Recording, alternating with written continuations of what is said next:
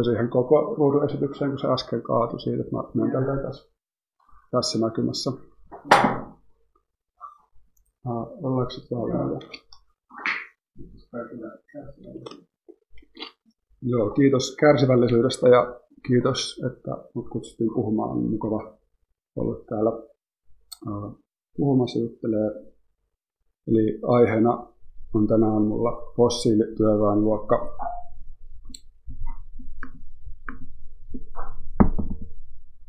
Eli mulla on sarja tällaisia käsitteitä kuin fossiilityöväenluokkaa, ympäristötyöväki, ekologinen työläinen, työvoima, ekologinen kokoonpano, joita mä tässä käyn aluksi vähän läpi. Ja sitten sit mä niin näiden käsitteiden niin kuin avaimien näkymien kautta pyrin niin keskustelemaan tai pohtimaan jotain ympäristöpoliittisen järjestäytymisen näkymiä työvoiman näkökulmasta tai työntekijöiden näkökulmasta määrin voisi sanoa, että tämä tavallaan se näkökulma, mistä mä tuun tähän tai miten mä oon lähtenyt käsitteet silleen miettimään, niin on niin kuin saanut vaikutteet sellaisesta italialaisesta operaismosuuntauksesta, joka oli 1960-luvun Italiassa kehitelty niin kuin kapitalismin tarkastelu ja työläisten organisoitumisen no, lähestymistapainen näkökulma jos painottuu työvoiman aktiivinen ja kamppaileva toimijuus kapitalismin kehityksessä ja kapitalismin haastamisessa. Ja ehkä sen voi sanoa vielä, että tämä on niin enemmän tämmöinen joukko tai saada keskusteluavauksia, ei minkälainen niin kuin valmis tai kaiken kattava teoreettinen rakennelma, mitä tässä esittelee tai puhuu, että vähän tämmöinen tekeillä oleva ää, kyhäilmä, erilaisia ajatuksia ja keloja. Ja varmaan tausta, että miksi olen pyritty puhua tänne tai mistä tämä, niin tämä fossiilityöväenluokka Kela niin tulee just nyt keskusteluun, niin kirjoitin tuossa, tai itse kirjoitin jo niin kuin, reippaasti yli vuosi sitten tekstin fossiilityöväenluokka otsikolla, ja tuli niin nyt ulos tässä viime helmikuussa komeetta.info verkkojulkaisussa. Eli tavallaan mun niin kuin, tulokulma tähän aiheeseen on se, että on ollut tämä tausta erilaisista yhteiskunnallisista liikkeistä, mutta sitten ei kuitenkaan niin paljon ympäristöliikkeestä, mutta sitten kuitenkin niin kiinnostunut ympäristöasiat jotenkin ympäristöpoliittinen järjestäytyminen, mutta ehkä mulla ei ollut niin kuin jossain vaiheessa ei ollut sellaista ainakaan omaa tapaa osallistua tai ei niin ollut ihan sellaista uh, tuntumaa, että miten mä, että mikä mua niin kiinnostaisi näissä asioissa. Niin symppasin kaikkea toimintaa ja liikehdintää, mutta niin itse ollut mukana. Ja sitten ehkä sit lähin pohtin myös tai niin tekstin kautta sitä, että mitä ehkä, mikä voisi ehkä itseä kiinnostaa. Ja sitten toivottavasti mahdollisesti myös muita. Että myös niin kuin keskustelun kautta syntynyt näkökulma tässä pari viime vuoden aikana. Mä voisin ihan aluksi puhua ihan vaan niin työväenluokan käsitteestä vähän. Et yleisessä niin kuin arki keskustelussa ja poliittisessa keskustelussa, kun puhutaan työväenluokasta nykyään, niin usein viitataan niin sosiaaliluokkaan tai niin kuin luokkataustaan, että puhutaan esimerkiksi siitä, että miten koulutus ja perhetausta tai tulotaso tai makutottumukset ja niin edelleen vaikuttaa ihmisen tai ihmisten asemoitumiseen erilaisissa yhteiskunnallisissa hierarkioissa. Ja tehdään tällaisia jaotteluja esimerkiksi ala- ja työväen ja keski- ja yläluokkaan. Kun taas sitten tämä, mistä mä puhun tässä, on niin vähän eri lähestymistapa. Et mun mielestä toi niin sosiaaliluokka ja niin luokkataustaa tarkasteleva kelat ja näkökulmat on mielestäni niin hyviä ja tarpeellisia, mutta sitten niin omassa viitekehyksessä, mä puhun tästä työväenluokasta, niin mä puhun niin aika eri asiasta kokonaan, vaikka käsit sana onkin sama. Et mä oon tuohon taulukkoon laittanut, että ja mä käyn määrittelen vähän tarkemmin vielä jälkeenpäin, mutta että no, että se luokka, mistä mä puhun, niin se on niin tuottava luokka, eli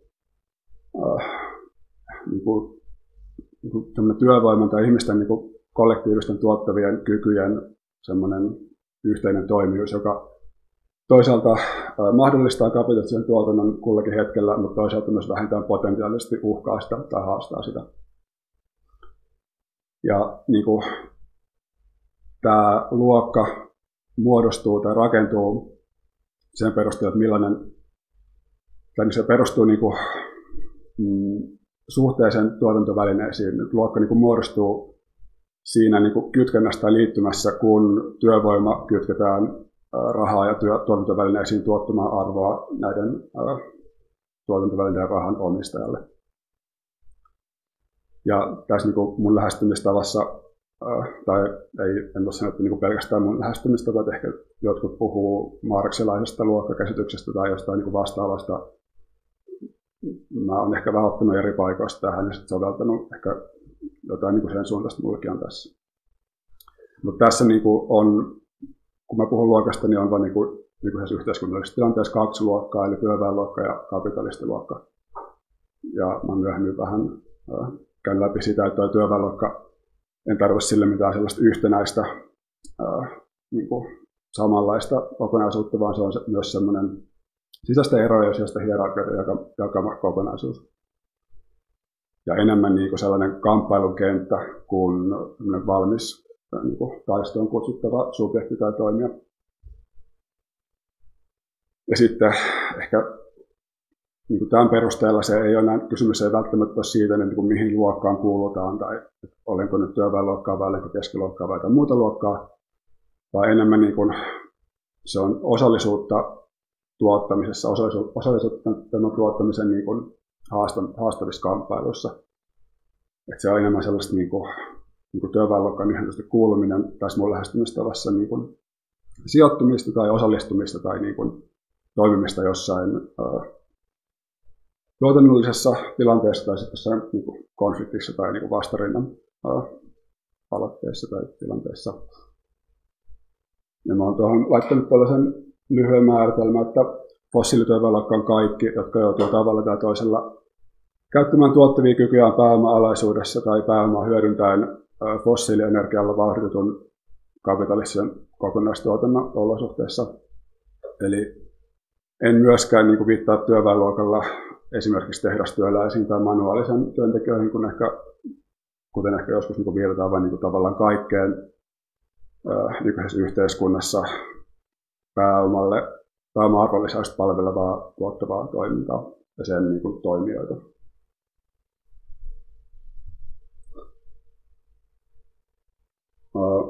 Mä voisin vielä puhua tuosta luokkasuhteesta ihan hetken, tai pienen hetken ainakin, että mikä se niin on, tai mitä mä hahmotan, että mikä on niin luokkasuhde verrattuna vaikka jos luokkaan sosiaalisen ryhmänä tai kategoriana. Eli ehkä voisi sanoa, että luokkasuhde on se niin kuin, kytkentä työvoiman ja tuotantovälinen välillä.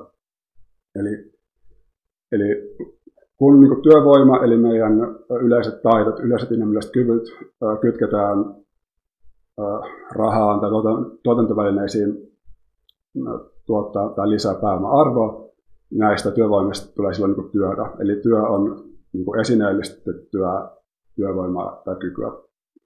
Ja sitten niin työvoimaomistajista, eli niistä, joiden täytyy eläkseen myydä äh, kykyjään jollekin toiselle tai toisen alaisuuteen tulee työläisiä.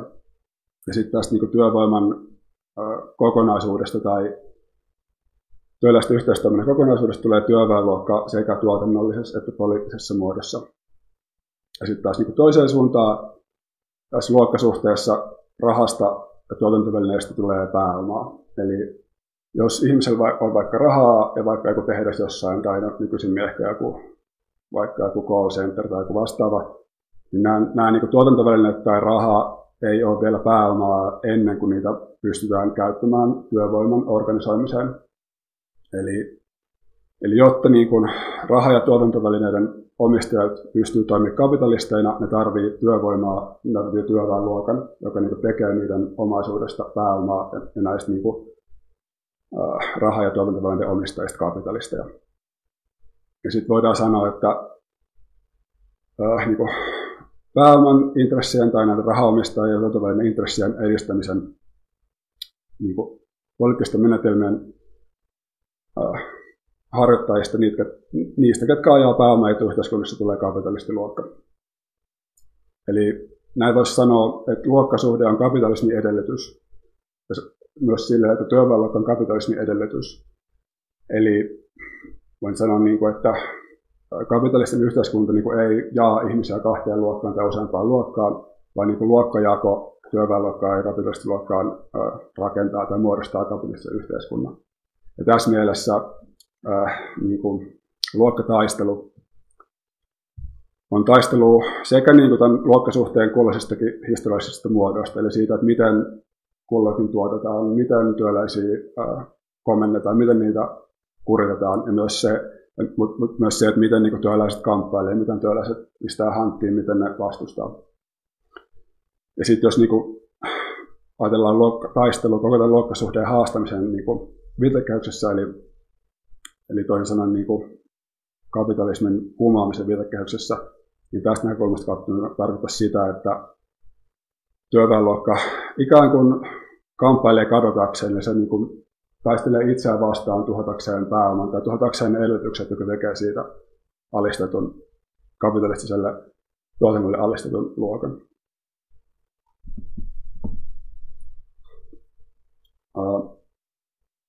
Sitten voisin puhua vähän niin kuin yleisemmin tai aika niin kuin, no, hyvin yleisesti siitä, miltä ehkä niin kuin ympäristöpoliittinen tilanne tällä hetkellä näyttää tai niin kuin ympäristökamppailukenttä tällä hetkellä näyttää. Tämä on tosi yksinkertaistava ja äh, pelkistetty näkökulma, mutta ainakin mitä nyt se mun silmin näyttää, niin äh, on niin kuin viime vuosien tai vähän ehkä pidemmänkin ajan puitteissa siirrytty sellaisesta niin kuin yksilöllisten valintojen ja arkisten elämänvalintojen painottamisesta ja ehkä niin kuin ihmisten vastuullistamisesta tai yksilöiden velvoittamisesta niin kuin enemmän sellaiseen lähestymistapaan, jos ajatellaan, että ne merkittävät ympäristöpoliittiset muutokset tapahtuu niin kuin instituutioisella tasolla, eli virkoneistossa, valtiotasolla, kansainvälisissä niin kuin, no, instituutioissa. Ja sitten toisaalta on myös niin kuin, noussut aika voimakkaasti esiin viime vuosina ainakin joissain piireissä niin kuin suora kapitalismikriittisyys. Ja, eli ajatellaan, että kapitalistinen tuotanto, niin kuin, tuotanto on luoteeltaan sellaista, tai se on niin kuin jatkuvasti jatkuvan laajentumisen perustuvaa, että se niin kuin, jatkuvan kasvun ja laajentumiseen perustuva tuotantomalli ei mahu rajallisten resurssien sisään rajallisten resurssien planeetalle. Ja sitten on kehitetty tällaisia niin fossiilipääoman ja fossiilikapitalismin käsitteitä ja sitten äh, niin kuin antroposeenin käsitteen tilalle kapitaliseenin käsite. Eli jos antroposeeni tarkoittaisi, että olisi äh, niin kuin ihmisen, niin kuin ihmisen, mä en tiedä miten, mutta ihmisen niin kuin historiallinen aika on ollut se, joka niin kuin, äh, muokannut ympäristöä niin paljon, että se tekee niin kuin tästä nykyisestä sivilisaatiosta mm, en tiedä, kestämätön tai niin kuin, että se niin kuin, tulevaisuuden näkymättä huonot. Mutta sitten tämä kapitaliseinen äh, käsitteellä on totesin sitä, että ei kyse niin kuin kaikista ihmisistä tai niin kuin, ei ole niin kuin ihmiskunnan asia niin kuin, ainakaan niin päälli, päällisin osin, vaan kyse on niin kapitalistisesta tuotannosta, joka on tehnyt tämän muutoksen niin kuin se, siihen suhteeseen, miten ihminen elämä suhtautuu muuhun elolliseen maapallolla. Voi olla, että mä en määritä tätä antroposeenikus ihan täsmällisesti, että ehkä joku muu osaisi sen paremmin määritellä, mutta kuitenkin menen eteenpäin. Sitten on ollut myös tällaisia niin erilaisen nimen ottaneita ohjelmia sillä, että miten, miten, miten voitaisiin käynnistää tai miten, millainen voisi olla se muutos, joka tekisi tästä nykyisestä elämänmuodosta kestävämpää tai muuttaisi sitä sillä tavalla, että, niin kuin, että no, käytännössä planeetan niin eliolosuhteet ei kävisi liian huonoiksi. Eli ollaan puhuttu ekologisesta jälleenrakennuksesta, sitten ekologisesta ja vihreästä siirtymästä tai vihreästä uusiaasta. Nämä ehkä vähän erilaisia niin kuin, kaikki keskenään, mä ehkä en niiden tästä tarkemmin, mutta ehkä tavallaan se, mistä niin kuin mä lähestyn taas puhu, niin kuin esitelmässä tai talustuksessa, niin siitä, että, että kun on esitetty tällaisia malleja kuin vaikka ekologinen jälleenrakennus, on niin kuin mustille niin kuin hyviä ideoita ja hyvin niin kuin hahmotelmia niin kuin tärkeitä sinänsä, mutta sitten tavallaan ehkä ainakin mun silmiin on näkynyt vähemmän sellaista, että niin kuin kuka tai missä tai miten nämä niin kuin muutokset oikeasti laittaisi niin toimeen. Että millainen olisi se voima, joka pystyisi niin kuin tekemään näistä hahmotelmista tai niin suunnitelmista jotenkin sellaisia todellisia, tai että ne oikeasti niin kuin asetettaisiin niin käytäntöön siinä määrin, että se olisi niin kuin ekologisesti kestävää.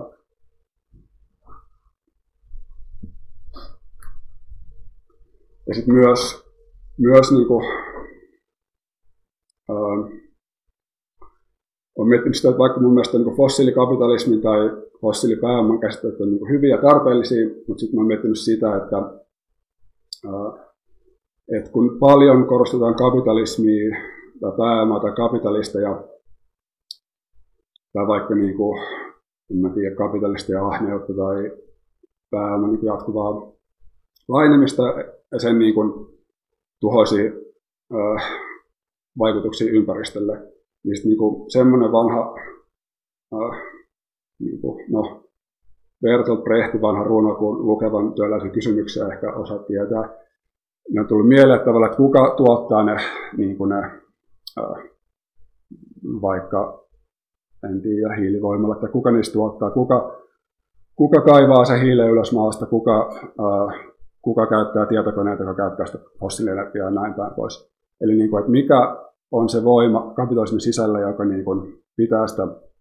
kapitalistista tuotantoa käynnissä.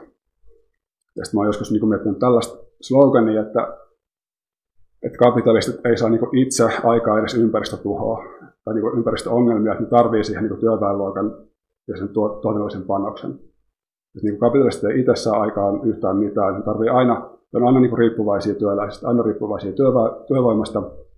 Ja sitten silloin, niin jos, jos niin kuin pyritään jotenkin haastaa kapitalismia tai niin kuin etsiä kapitalismin sisältä jotain sellaisia toimijuuksia tai mahdollisuuksia tai voimia, joiden kanssa tai joiden ka, niin kuin puitteissa voisi lähteä haastamaan sitä kapitalistista tuotannon organisaatioa.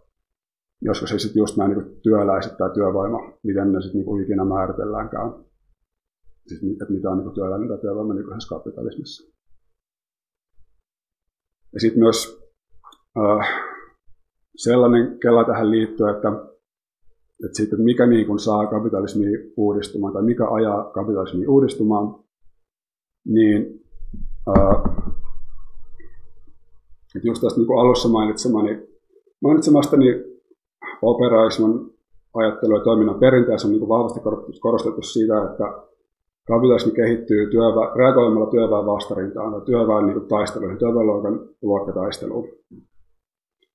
Eli jos ajatellaan näin, ja jos ajatellaan, että niin kuin, ää, pääoman tai kapitalismi uudistuu sitä kautta, että se joutuu reagoimaan siihen, että niin työvoima haluaa, haluaa enemmän kuin mitä niillä on. Ne haluaa parempaa elämää, ne haluaa vaikka työskennellä vähemmän, ne haluaa enemmän rahaa, enemmän tai parempia elinolosuhteita ja näin päin pois, niin tämä luo painetta niin työnantajille tehostaa sitä tuotantoa, koska ne ei enää pysty, pysty niin kuin vastaamaan niin kuin työläisten vaatimuksiin muuttamatta sitä niin tuotannon organisaatiota. Eli ne joutuu niin uudistaa, uudistamaan tuotantorakennetta. Et esimerkiksi, että jos vaikka tehdastyöläiset on kamppailu jossain vaiheessa historiassa, niin sitten on ajateltu, että niistä kapitalistit on joutunut uudistaa tuotantoa sillä tavalla, että ne on niin joutunut, joko joutunut siirtää sen teollisuuden muualle, tai sitten niin siirtyy erilaisiin, tai samaan aikaan siirtyy erilaisiin tuotantotapoihin, eli puhutaan niin vaikka jälkiteollisesta muutoksesta,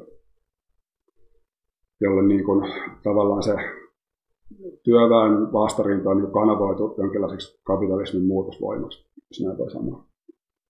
Mitä jos sitten tämän Kelan ää, siirtää tähän niin ympäristö poliittiseen tilanteeseen.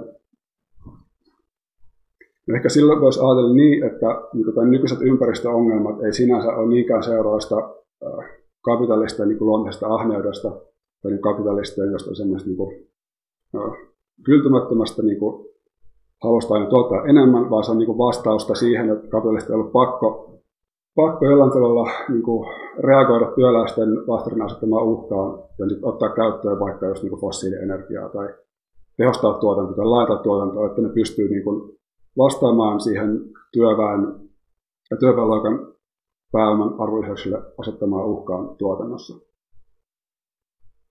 Ja niin kuin tällä ei tämä niin tarkoitus olla sellainen, että niin kuin sit syyttäisi niin työ, työläisiä sitä, että niin teidän vika, että näin on käynyt, vaan niin enemmän pyrkii jotenkin näkökulman tasolla paikantaa siitä, että mihin niin voisi pureutua, jotta pystyttäisiin niin paremmin tai tehokkaammin järjestäytymään tässä niin ympäristötilanteessa tai ympäristöpoliittisessa tilanteessa. Mm.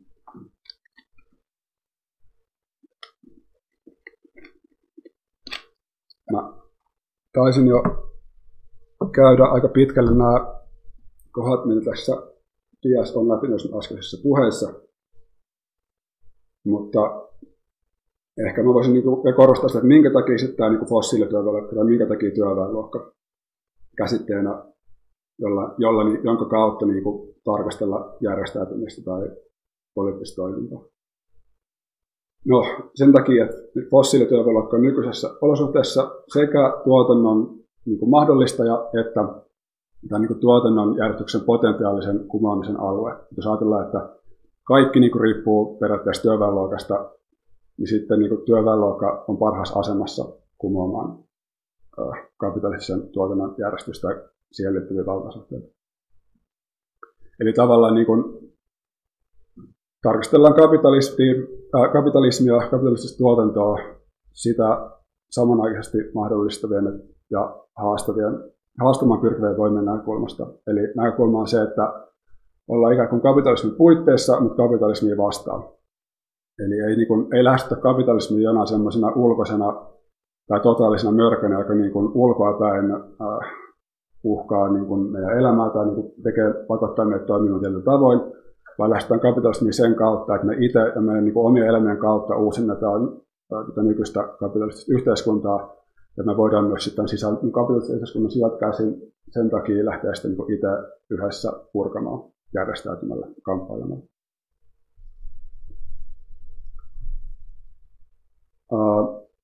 Sitten voisin ihan hetken puhua tämmöistä käsitteestä kuin työvoiman luokkakokoonpanosta. Tässä on nyt aika täyteen jahdettu tuo slaidi.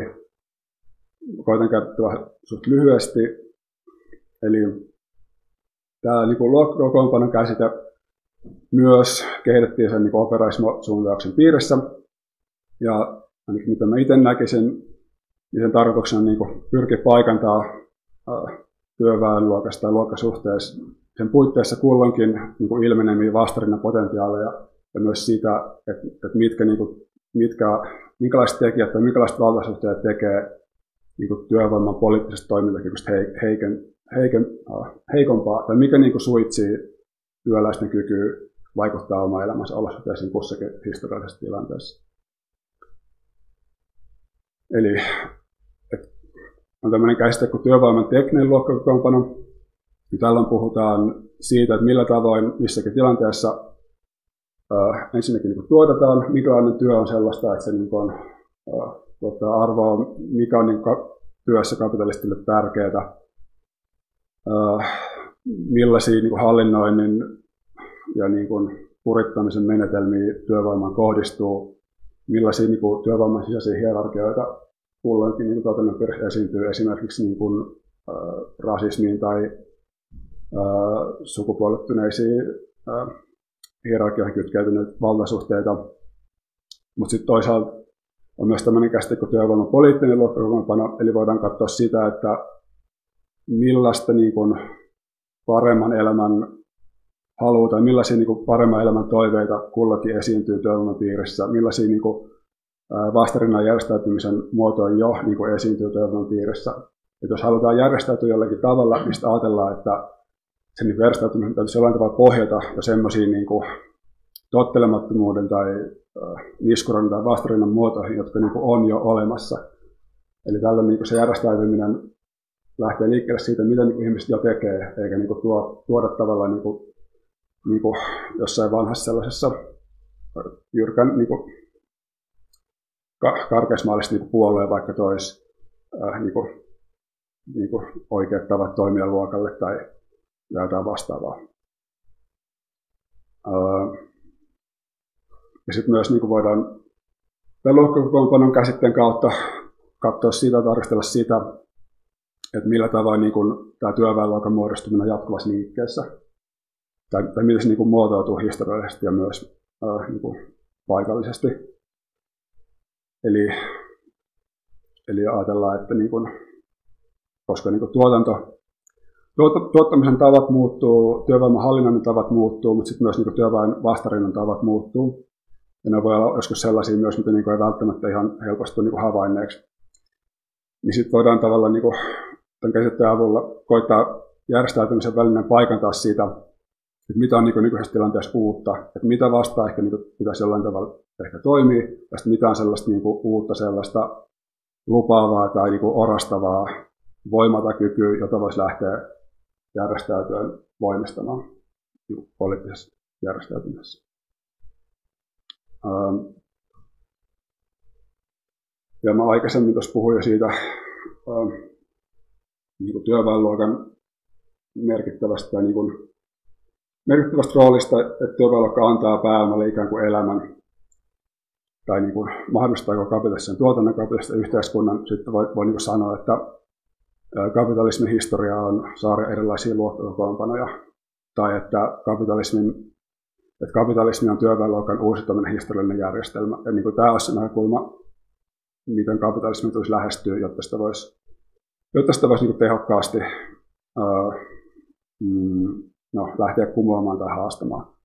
Nämä niin lainauksissa olevat sijoitet on muistaakseni toinen taitaa Toni Negriltä ja toinen Mario Trontilta. Voi olla, että mä oon ulkomaisesti siteerannut väärin tuossa, mutta jotain sen suuntaista tuli. Mm. Musta tuntuu, että mä kävin tämän slaidin näissä aikaisemmissa puheissa jo, eli mä menen tästä eteenpäin. Kun voisin tässä vaiheessa ennen kuin jatkan, niin kysyä, että tuleeko teille niin jotain sellaista mieleen, mitä haluaisit, mihin haluaisit ehkä selvennystä äsken, mitä tuossa sanoin, tai, tai nopeat kommenttia. Tuossa varmaan lopuksi semmoista keskusteluaikaa, mutta jos siellä. No niin, miten sä, äh, minkälaisia asioita pohdit, kun sä, sä niin, tähän tämmöiseen analyysiin. Eli mitä itse olisi tavallaan ottamaan tämän mm. Niin kuin tällaisen lähestymistavan tähän. Öö, hyvä kysymys. Varmaan niin kuin, ehkä mä oon niin kuin, niin kuin aikaisemmin käsitellyt muita niin kuin yhteiskunnallisia tekijöitä tai kysymyksiä tämän lähestymistavan puitteista niin tulee nyt vähän silleen, niin sen kautta. Mutta sitten myös tavallaan, että tuossa suuntauksessa niin on ollut jonkinlaista niin, tuossa, niin sanotussa operastisessa perinteessä, jota mä nyt tässä jollain tavalla sovellan ainakin, vaikka en mitenkään ehkä aina niin, kuin, niin sanotusti oikeaoppisesti, jos semmoista niin kuin, oiskaan. Mutta kuitenkin, että siinä niin kuin, ei ole ollut sellaista äh, kovin vahvaa teoreettista ympäristöpoliittista hahmotusta silloin 60-70-luvulla. Että on, niin kuin, on ollut silleen, äh, kyllä niin kuin, no, Venetsiassa kemikaalitehtailla on ollut sellainen porukka, jolla on niin ollut ympäristökysymykset tosi tärkeitä. Minä olen myös kirjoittanut niistä, mutta tavallaan niin kuin yleisesti ottaen niin kuin on ajateltu, että että et, et nämä operistit niin kuin, ei pystynyt sanoa ympäristöstä hirveästi mitään. Sitten mä ajattelin, että voisiko löytää kuitenkin jotain sanottavaa tästä näkökulmasta. Ja sitten ehkä toinen, toinen tekijä, että miksi mä just tästä näkökulmasta niin halusin tätä lähteä purkaa, että sitten kun mä olen lukenut vaikka juttuja noista fossiili, fossiilipääomasta tai fossiilikapitalismista tai äh, mm, sit kapitalisoinnista, niin sitten musta on tuntunut, että se on vähän liian semmoinen, että mun makuun ainakin niin kuin liian semmoinen, jossain määrin niin objektivistinen lähestymistapa ollut niissä. Eli on niin kuin, voit kyseenalaista tietysti tämän tulkinnan, mutta siis niin kuin, että, että niissä on niin kuin, mm, korostunut just se, että se on niin kuin, tämä muutos on niin kapitalist, siis kapitalismista lähtöisin tai ympäristö, nykyinen ympäristötilanne tai niin kuin kapitalistisia toimia, jotka niin kuin tekee, tekee asioita, jotka niin kuin luo ympäristötuhoa. Tai sitten, tai sitten vaikka, tämä menee vähän eri suuntaan, mutta sitten vaikka se, että niin kuin se slogani siitä, että niin kuin 1 prosentti maailman väestöstä vs 99 prosenttia, että se niin kuin jakoisi niin kuin tällainen, että niin kuin 1 prosentti on se paha, rikas niin kuin eliitti, joka sitten niin määrää muiden niin kuin, äh, elämästä. Niin sitten mä mietin, että, että sit kun, jos lähestymistapa on tämä, niin sitten usein Tämä on tosi kärjistetysti sanottu, mutta sitten usein minusta on tullut siltä, että sitä niin poliittisen, analyysi, tai poliittisen niin kuin, toiminnan ehdotukset on usein myös sellaisia aika voisi sanoa niin subjektivistisia niin kuin suhteessa siihen analyysin objektivismiin. Eli niin kuin, ne ei niin kuin, ole perustunut, niin kuin, rohkeinen väittää, ei ole perustunut niin kuin sellaiseen kapitalismin sijaisiin ristiriitaisuuksiin, vaan niin kuin, tullut jostain se ulkopuolelta. Et sitten on vaikka niin painottunut sellainen ää, niin kuin, niin kuin vaikka jossain viimeisimmissä Andreas Malmin kirjoissa sellainen, hän on siis kirjoittanut niin fossiilipääomasta ja nykyisestä ympäristöliikkeestä, niin sitten, että on niin puhuttu siitä, että nyt olisi aika jotenkin sabotoida öljyputkia, tai sitten toisaalta on niin puhuttu sellaisesta jonkinlaisesta niin uus-leninismistä, että pitäisi olla niin vahva valtio ja semmoinen niin vahva valtiokoneisto, joka sitten tekisi näitä asioita sillä ylhäältä päin. Tai siis niin tekisi ympäristö, ympäristöpoliittista muutosta niin ylhäältä käsin semmoisella semisti autoritaarisella otteella. Niin ehkä mun mielestä näistä on niin puuttunut se, ja nyt saatoin tehdä tuossa ehkä väärät vähän Malmin lähestymistavalla, mikä on varmasti paljon niin kuin kuin mitä tässä pystyy niin sanoa. Uh, mutta kuitenkin niistä on puuttunut semmoinen, no niistä on puuttunut työväylän käsite mun mielestä. Tai on puuttunut niin työväylän käsite niin vastarinnan toimijana tai niin kuin, uh, aloitteellisen toimijana. Että jos on puhuttu työväenluokasta, niin sitten on usein ollut sellainen niin uhri tai sorron kohde, joka on niin kärsinyt, kärsinyt niin kuin joko, joko niin kuin, tota, siitä, että niin ympäristöolosuhteet huononee, tai sitten tai työväylät on kärsinyt siitä, että on niin tehty niin pääomaehdolle vihreät siirtymää, joka niin huonontaa vaikka työntekijöiden toimeentuloa tai eliolosuhteita. Niin sitten tavallaan, mitä, mitä, mikä musta on puuttunut, tai mitä mä en ole ainakaan niin paljon nähnyt, niin on ollut just semmoinen niin työväen tai työvoiman niin kuin aloitteellisuudesta ja omista tarpeista lähtevä näkökulma, ja siitä kautta niin kuin järjestäytyminen. Tähän liittyy just se, että mikä se käsitys on, että on kaikkea se parempi elämä, mitä tavoitellaan tai mitä tavoitellaan, niin mitä kaikkea se sisältää? Uh, toi on tosi hyvä kysymys, ja uh, jos sopii, mä voin mennä siihen kohta mun esitelmän puitteissa, mutta tai mulla on niin, tuossa jatkossa sitä, mutta tavallaan niin ehkä mä, ei mulla ole sellaista niin kuin, mm, uh, en tietenkään voi sanoa kenenkään puolesta, että mikä on niin hyvä elämä tai parempi elämä, mutta tavallaan niin kuin ehkä lähestymistapana se, että miten niin kuin yhdistää semmoinen paremman elämän tavoittelu sit niin ekologisesti kestävämpään muutokseen. Et niin kuin, mm, et nykyisin ehkä ajatellaan usein sille, että tavallaan tämä nykyinen ympäristötilanne edellyttää tai vaatii ihmisiä muuttamaan niitä elämää johonkin suuntaan, mikä on tosi, niin kuin, mikä on tosi ymmärrettävä lähestymistapa tai niin kuin tulokulma, mutta sitten mä mietin, että voisiko ajatella se niin päin, että, että, niin kuin, että jos, lähtee, jos lähtee liikkeelle niin kuin ihmisten halusta elää paremmin tai niin kuin vaikka tuottaa demokraattisemmin tai jotain sen suuntaista, niin tavallaan on niin kuin edelleen tosi tärkeää, tärkeää tota, toimii vaikka ympäristökriisiin vastaan, mutta tavallaan silloin se niin kuin, toiminnan motiivi ei ole niin kuin ulkosta niin kuin, että se ympäristökriisi ei velvoita meitä toimittelu tavalla, tavalla, vaan meidän käsitys hyvästä elämästä jotenkin edellyttää sitä, että me myös niin kuin, torjutaan ympäristökriisiä. Ehkä mä tolleen vastaisin. Ehkä vähän lisää vielä puhun tuossa. Tuleeko vielä muuta nopeaa kysymystä?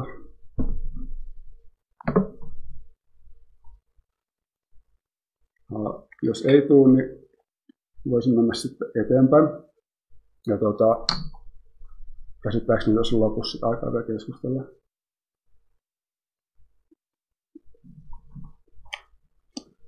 No mä äsken puhuin tuosta työvoiman luokkakokoonpanosta, niin että mitä on sitten niin miettinyt, että, että voisiko siellä lisätä tällaisen niin ekologisen, ekologinen tai ekologisen niin kuin etuliitteen ja puhuu ää, niin kuin työvoiman ekologisesta luokkakokoonpanosta. Ja tällä niin kuin, tarkoitan niin kuin sitä, että voisiko tämän niin luokkakokoonpanon kautta, käsitteen kautta tarkastella sitä myös, että millä tavoin, äh, miten sanoisi, äh, niin kuin ei, ei-inhimillinen ympäristö myös on niin kuin tavallaan mahdollista, että kehystää sen, että millä tavoin nykyisin tuotetaan ja myös niin kuin kehystää sitä, millä tavoin nykyisin, ää, nykyisin tota, tehdä vastarintaa tai kamppailla. Eli, eli voisi niin sanoa, että työvoima tai meidän, niin kuin, meidän kyvyt muokata maailmaa on niin kuin valmiiksi jo niin kuin sen niin kuin ympäristö, niin kuin ei-inhimillisen ympäristön ehdollistamia, muokkaamia, missä me toimitaan. Eli niin kuin ne tavat, miten me työskennellään, millaisia taitoja meillä on, tai millaisia koneita me pystytään käyttämään, on niin kuin sen kehystämään tai sen ehdollistamaan, että millaisia niin kuin, ei-inhimillisen ympäristön resursseja tai muokkaamisen keinoja on tai millaisia on käytetty. Eli, eli just niin työvoima on samaaikaisesti sekä niin kuin ekologisen ympäristössä tuote että tuottaja. Eli niin kuin samaan aikaan, kun me ollaan niin kuin tämän no, ympäristömme tuotteita, me myös niin kuin muokataan tätä ympäristöä. Eli me ollaan niin vuorovaikutteessa suhteessa, suhteessa ympäristöön. Ja sitten voisi niin kuin miettiä tällaisia käsitteitä kuin ympäristötyöväki tai ekologinen työ, työläinen niin tämän, tämän kautta.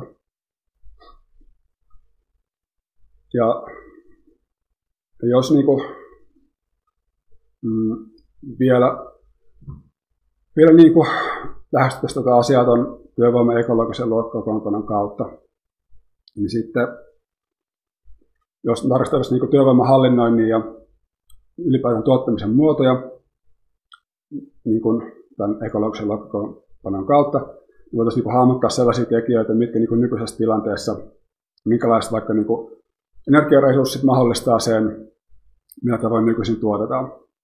Esimerkiksi just niin kuin tämä paljon puhuttu fossiilienergia.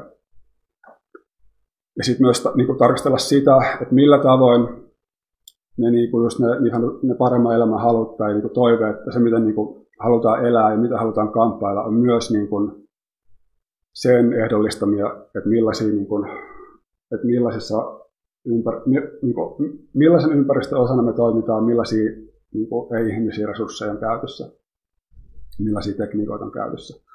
Ja sitten myös tarkastella sitä, että miten niin kuin nämä erilaiset poliittiset aloitteet, millaisia niin kuin vaikutuksia niillä on tähän ympäristöön. Eli kun on puhuttu tästä uh, ekologisesta tai vihreästä siirtymästä kapitalismissa, niin, että niin kuin tämän luokkakokoonpanon kielelle tai käsitteestä on käännettynä, se voisi ajatella, että tämä vihreä siirtymä tavallaan niin tarkoittaa tämän niin kuin työvoiman kokoonpanon uudelleen muotoutumista. Eli tavallaan muutetaan niitä tapoja, muutetaan niitä tapoja millä niin kuin tuotetaan, millaisia päästöjä meidän työ tuottaa, millaisia niin kuin resursseja tarvitaan, että me voidaan tuottaa niin kuin me tuotetaan ja näin päin pois. Mutta sitten tavallaan, kun on puhuttu tästä ekologisesta siir- tai vihreästä siirtymästä,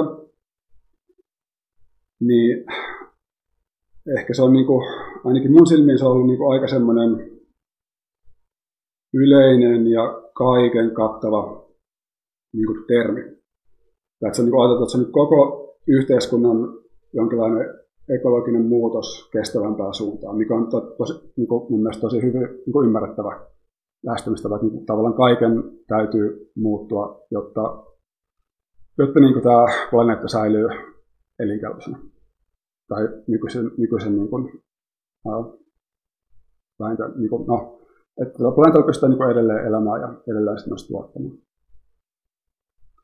Mutta sitten on niin kysymys siitä, että, että kenen aloitteesta tai kenen ehdolla tämä niin siirtymä tapahtuu, tämä vihreä siirtymä.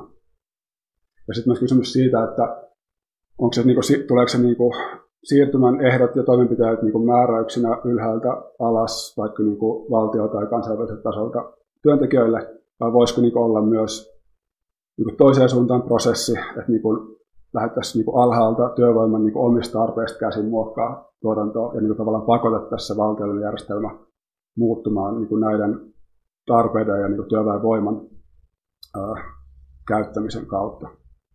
Vai pitäisikö puhua niin kuin, jopa niin kahdesta eri siirtymästä. Että niin kuin, tästä niin kuin nykyisestä ekologisesta ja vihreästä siirtymästä kapitalismissa, joka niin kuin, tavallaan säilyttää nämä nykyisen tuotannon hierarkiat jossain määrin entisellään, mutta vaan niin kuin, muokkaa, muuttaa niin kuin, resursseja, muokkaa ehkä niin kuin, tekniikoita ja muokkaa sen tuotannon kuormittavuutta, mutta ei, niin kuin, muokkaa, ei niin kuin, välttämättä pureudu siihen, että mikä on se niin sanottu komentosuhde siinä tuotannossa, että kuka määrää, miten tuotetaan, kuka tuottaa, miten käytetään aikaa ja voimia milloinkin. Että voisiko niin lähteä liikkeelle, jos olisi niin vaihtoehtoinen siirtymä tai useampia vaihtoehtoisia siirtymiä, jos lähdettäisiin liikkeelle siitä, että, että niin kapitalistinen vihreä siirtymä ei ole riittävä, vaan niin tarvitaan niin perustavanlaatuisempi muutos tai perustavanlaatuisempi siirtymä joka sitten myös niin pureutuisi siihen, että miten työtä organisoidaan tai miten, millaiset niin hierarkiat jäsentää tuotantoa. Eli tavallaan niin kuin, äh, entäs käsiksi siihen, että kuka määrää siitä, miten tuotetaan ja, ja miksi tuotetaan siitä, mitä tuotetaan. Eli tavallaan niin pureuduttaisiin siihen niin kuin tuotannon äh, motiiveihin, tuotannon luonteeseen perustavanlaatuisen niin tässä nykyisessä, tai nykyisessä niin kuin vihreässä siirtymässä.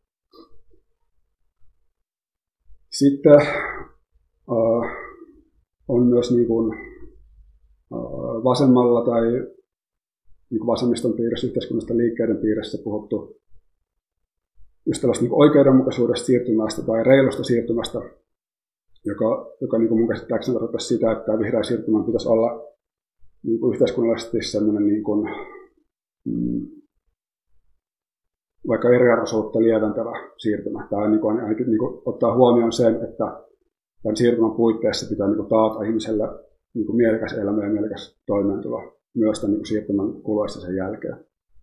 Mikä on mun mielestä tosi, tosi niin kuin, ymmärrettävä näkökulma ja mun mielestä on niin kuin, hyvä, että tästä puhutaan, mutta sitten mietin myös sitä, että, että kun puhutaan niin kuin, oikeudenmukaisuudesta ja reiluudesta tämän siirtymän yhteydessä, niin onko se onko siinä vaara, että puhutaan niin kuin tavallaan puolustuksellisesta näkökulmasta, että ollaan niin kuin ikään kuin, niin kuin valmiiksi takajalalla, että ajatellaan, että on tämmöinen niin kuin ekologinen tai vihreä siirtymä, joka tulee jostain muualta, mutta sitten täytyy niin kuin pitää huolta, että se on niin kuin mahdollisimman sopiva kaikille. Että ikään kuin, niin kuin että vaaditaanko siitä, että vaaditaanko siinä niin kuin sellaista oikeudenmukaisuutta tai reiluutta niin kuin, no, kapitalistilta tai valtiolta, joka sitten kuitenkaan välttämättä niin kuin, ei pelkästään niin kuin, vaatimalla tuu, tai niin kuin vetoamalla niin kapitalistien tai valtion hyvään tahtoon, niin ei kuitenkaan välttämättä siirtymistä ei tuossa reilumpi. Ja sitten mietin, että olisiko niin kuin, ehkä tämän niin kuin reiluus ja oikeudenmukaisuuden, oikeudenmukaisuuspuheen niin lisäksi tai ohella niin kuin hyvä puhua enemmän niin kuin voiman kielellä. Tai niin kuin sillä tavoin, että niin kuin miten luodaan sellaista no, voimaa ja toimintakykyä, jossa niin kuin se siirtymä ja sen siirtymän luonne tulee sille yhdessä niin kuin alhaalta neuvoteltavaksi, ilman että niin kuin täytyy ikään kuin äh, anoa oikeudenmukaisuutta ja reiluteltaan muilta. Jos niin kuin itse määrittää sitä sisältöä, että et mistä siinä on niin siirtymässä kyse ja tuota, miten sitä niin kuin vedään yhteiskunnassa läpi, mikä on tietysti tosi vaikeaa että se ei ole mikään helppo asia, mutta sitten vain niin kuin näkökulman kannalta, että puhutaanko enemmän oikeudenmukaisuudesta vai puhutaanko enemmän niin kuin, vaikka toimintakyvystä tai voimasta tai mahdollisuudesta toimia. Ja sitten ehkä just mitä aikaisemmin tuossa sivusin niin tuosta niin kuin siitä, että nähdäänkö niin kuin työväki tai työvoima ikään kuin kapitalismin niin kuin uhrina tai sorron uhrina tai objektina vai niin kuin enemmän, enemmän niin kuin vastarinnan subjektina, vastarinnan toimijana. Ja tämä tarkoittaa sitä, että niin kuin erilaista sortoa ei olisi tai niin kuin erilaista niin kuin ikäviä asioita ei tapahtuisi, mutta tavallaan sitä, että jos lähdetään, niin yritetään, lähteä, yritetään lähteä muokkaamaan maailmaa työvoiman näkökulmasta, niin sit mun mielestä olisi niin kuin ehkä enemmän niin kuin mielekästä puhua sen niin kuin työväen voimista, kyvyistä, mahdollisuuksista toimia.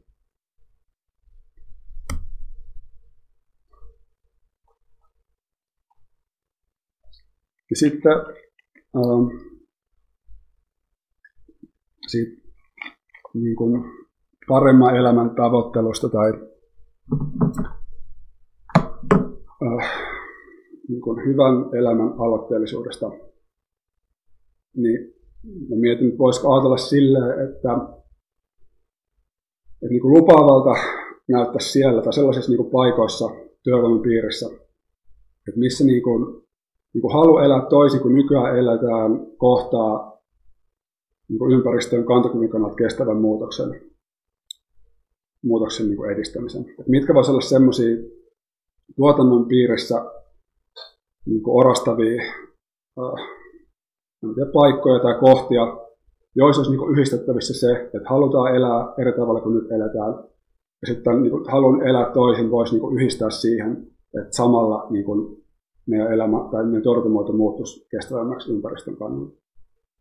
Sitten mä olen laittanut tuohon muutama esimerkki, mitkä on varmaan niin kuin aika, aika kuluneita jossain määrin, kun, niin, mutta silleen mun mielestä silti ihan niin kuin olennaisia, että jos niin kuin, äh, ihmisellä vaikka haluaa tehdä vähemmän töitä ja tehdä verkkaisempaan tahtiin töitä, niin voisiko niin kuin työajan lyhentäminen olla sellainen asia, minkä ympärille voisi ryhmittäytyä niin kuin kamppailemaan sekä sen, niin sen työajan lyhentämisen puolesta, että myös, myös sit niin semmoisten niin laajempien ympäristöpoliittisten ää, vaatimusten puolesta niitä edistämään. Tai sitten vaikka niin kuin tällaisessa pientä osuuskuntayrittäjyydessä niin kuin jollain tavalla näkyvä semmoinen halu ottaa se niin kuin, tuotanto omiin käsiin ja haluaa päättää siitä, miten käyttää aikaa ja voimiaan. Niin voisiko tässä olla jotain sellaista, mitä niin kuin lähtee, lähtee työstämään niin kuin ekologisesti, että voisiko niin kuin olla sellaista, äh, niin kuin, miten sanoisi, sellaista, no yrittäjyys on vaikea sana, sitten tulee, ihmisille voi tulla kielteisiä mielikuvia, mutta sellaisia niin kuin, aloitteita niin kuin ottaa se oma työ omiin käsiin ja samalla tehdä sitä ekologisesti kestävää. Tai sitten vaikka Helsingissä niin kamppailla maksuttomasta joukkoliikenteestä, joka on niin kuin sekä ainakin jossain määrin niin kuin ympäristön kannalta niin kuin, tai ympäristön kestävyyden kannalta mun käsittääkseni ainakin niin kuin, olisi niin kuin sitä edistävä asia maksuton joukkoliikenne, mutta sitten myös niin kuin olisi sellainen tekijä, joka äh, no, parantaisi uh, ihmisten asiaa, jotka käyttää, joka, ihmisten niin elämäntilannetta käyttää joukkoliikennettä Helsingissä. Vaikka just niin kuin esimerkiksi työmatkalaisten. Tai sitten vaikka perustulo semmoisena kestävämmän uh, tuotannon niin kokeilujen resurssina, että voisi käyttää perustuloa siihen, että pyritään niin kokeilemaan uusia tapoja tuottaa ekologisesti kestävämmin. Ja sitten niin yleisemmin ottaen just niin tuotannon demokratisointi tuotannon demokratisointi sellaisen tavoitteena, että voisiko niin kuin, tämän niin kuin ekologisen siirtymän yhdistää, tai vihreän siirtymän yhdistää tuotannon demokratisointiin. Ja sitten vaan tämmöinen heittämä, kun jotenkin on kantautunut. Mun korvi, että nykyään puhutaan paljon, että ihmiset niin tykkää hitaista aamuista esimerkiksi, että haluaa niin kuin vaikka viettää silleen, aamuja silleen, että ne haluaa herätä niin aikaisin tai kiirehtiä töihin tai vastaavaa, voisiko vaan olla niin hitaiden aamujen ympäristökampanja. Esimerkiksi tämä, niin tämä on ehkä niin banaali esimerkki, mutta kuitenkin, että lähtee liikkeelle jostain semmoisesta, niin mikä on nyt jo jollain tavalla jaettua, ja sitten niin tarttua siihen ja tehdä sitten jonkinlainen ympäristöpoliittinen aloite tai kampanja.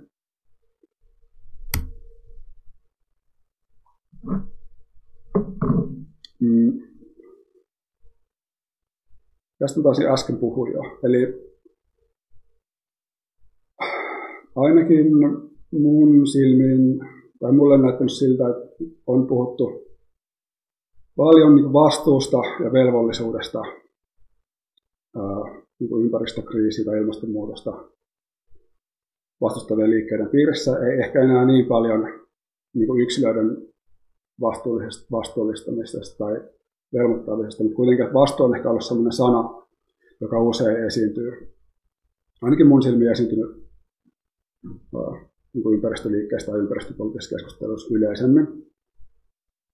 Niin se on mun mielestä kyllä ymmärrettävää, että puhutaan vastuusta ja velvollisuudesta niin kuin kiellä sitä, mutta sitten niin mietin sitä, että jos, jos tässä niin kuin, mm, poliittisessa toiminnassa olisi kyse siitä, että tai järjestelmässä kyse siitä, että muokataan just niitä tapoja, mitä tu, miten tuotetaan, muokataan niitä tapoja, miten niin eletään, miten meidän arki jäsentyy. Ja tavallaan silloin tämä niin toiminta ei ole tämän arjen niin olosuhteesta ulkosta, että se ei välttämättä saa sellaista niin edellistä aktivismin muotoa. Sellaista eriytynyttä niin aktivismin aluetta tai politiikan aluetta, jossa niin puhuttaisiin vastuullisesta ja syyllistämisestä. Niistä olen miettinyt, että, mm, että jos niin kyse on niin koko elämän muuttamisesta ja niin uusien elämänmuotojen rakentamisesta, niin onko mielekästä puhua niin paljon vastuullisesta ja syyllistämisestä, kun ainakin itse ajattelen, että niinku se ei ole niinku tavoiteltavaa elämää olla semmoisen jatkuvan niinku syyllisyyden tai vastuullisuuden tai velvoittavuuden tunteen alla. Tai ainakaan niinku itse en koe sitä niinku miellyttäväksi kokemuksessa, vaikka se on totta kai niinku ymmärrettävät sellaisia tilanteita elämässä myös on.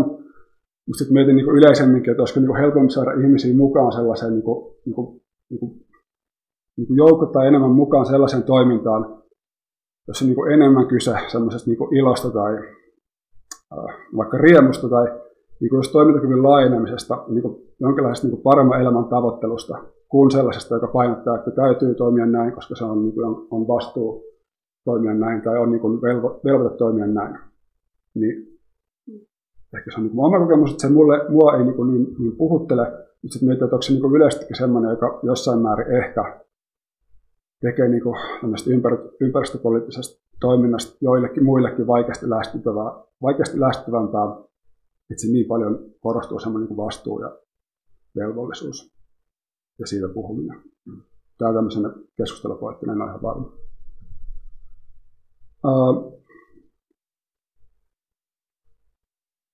sitten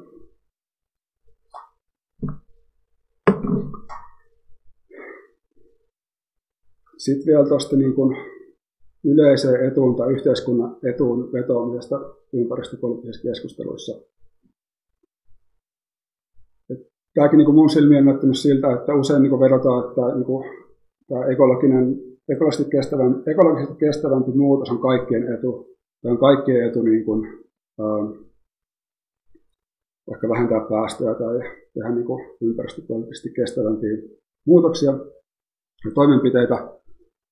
Niin joo, tämä on niin kuin, musta jälleen niin kuin ymmärrettävä lähtökohta, ja se on niin kuin, silleen, varmaan kannattavaa pyr- pyrkiä rakentamaan sellaista konsensusta, niin laaja, niin yhteisymmärrystä tämmöisten niin ympäristöpoliittisten aloitteiden taakse, ja sinänsä niin tärkeää. Mutta sitten niin mietikäs sitä, että jos puhutaan niin yhteisestä edusta kapitalismin piirissä, niin tavallaan silloin niin sisältyykö se niin yleisen edun ja yhteisen edun painottaminen niin sisältyykö silloin siihen se, että jos me niin tehdään muutosta tuommoisesta näkökulmasta käsin, niin tavallaan onko tässä muutoksessa niin sen sisällä niin kuin jatkuuko siinä ne samat vanhat hierarkiat, mitkä nykyisessä kapitalistisessa yhteiskunnassa toimii.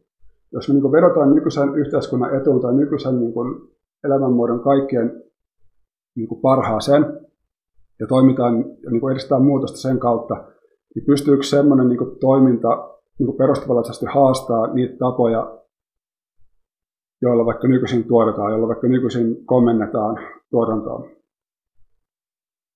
Ja sitten on miettinyt, olisiko niin enemmän, ehkä vähän tälleen niin kuin provokatiivisesti sanottuna niin kuin enemmän tarpeen puhua niin kuin, niin kuin vastuuttomuudesta ja piittaamattomuudesta siinä mielessä, että niin kuin ollaan vastuuttomia ja piittaamattomia niin kuin vaikka niin kuin kilpailukyvystä tai jostain niin kestävyysvajan kor- tai vastaavasta. Tai niin kuin ylipäätään niin kuin piittaamattomia tai fossiilikapitalistisen yhteiskunnan yleistä edusta. Ja niin tästä lähtökohdasta käsin alkaa järjestäytyä ja rakentaa aloitteita ja kamppailuja. Eli voisiko niin kuin puhua ei niinkään sellaisesta niin kuin kaikkien etua ajavasta työväenluokasta, vaan niin kuin enemmän niin kuin työvoiman jossain määrin itsekkäistä paremman elämän haluista.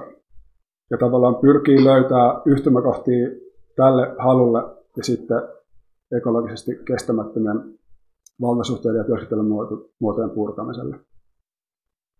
Ja sitten vähän niin kuin tämän kanssa rinnakkain tulee myös esiin se, että niin kuin, mikä on varmaan suht selvää, että kansallisvaltion kehys on niin kuin varmaan riittämätön niin kuin ympäristöpoliittisesti tai ympäristön kannalta kestävien muutoksen, muutosten aikaansaamiseksi, niin voisiko jos tällainen niin uusi internationalismi, varmaan mikä nyt on jo niin kuin olemassa, että, että niin kuin on niin kansainvälinen ilmastoliike, ympäristöliike totta kai, mutta niin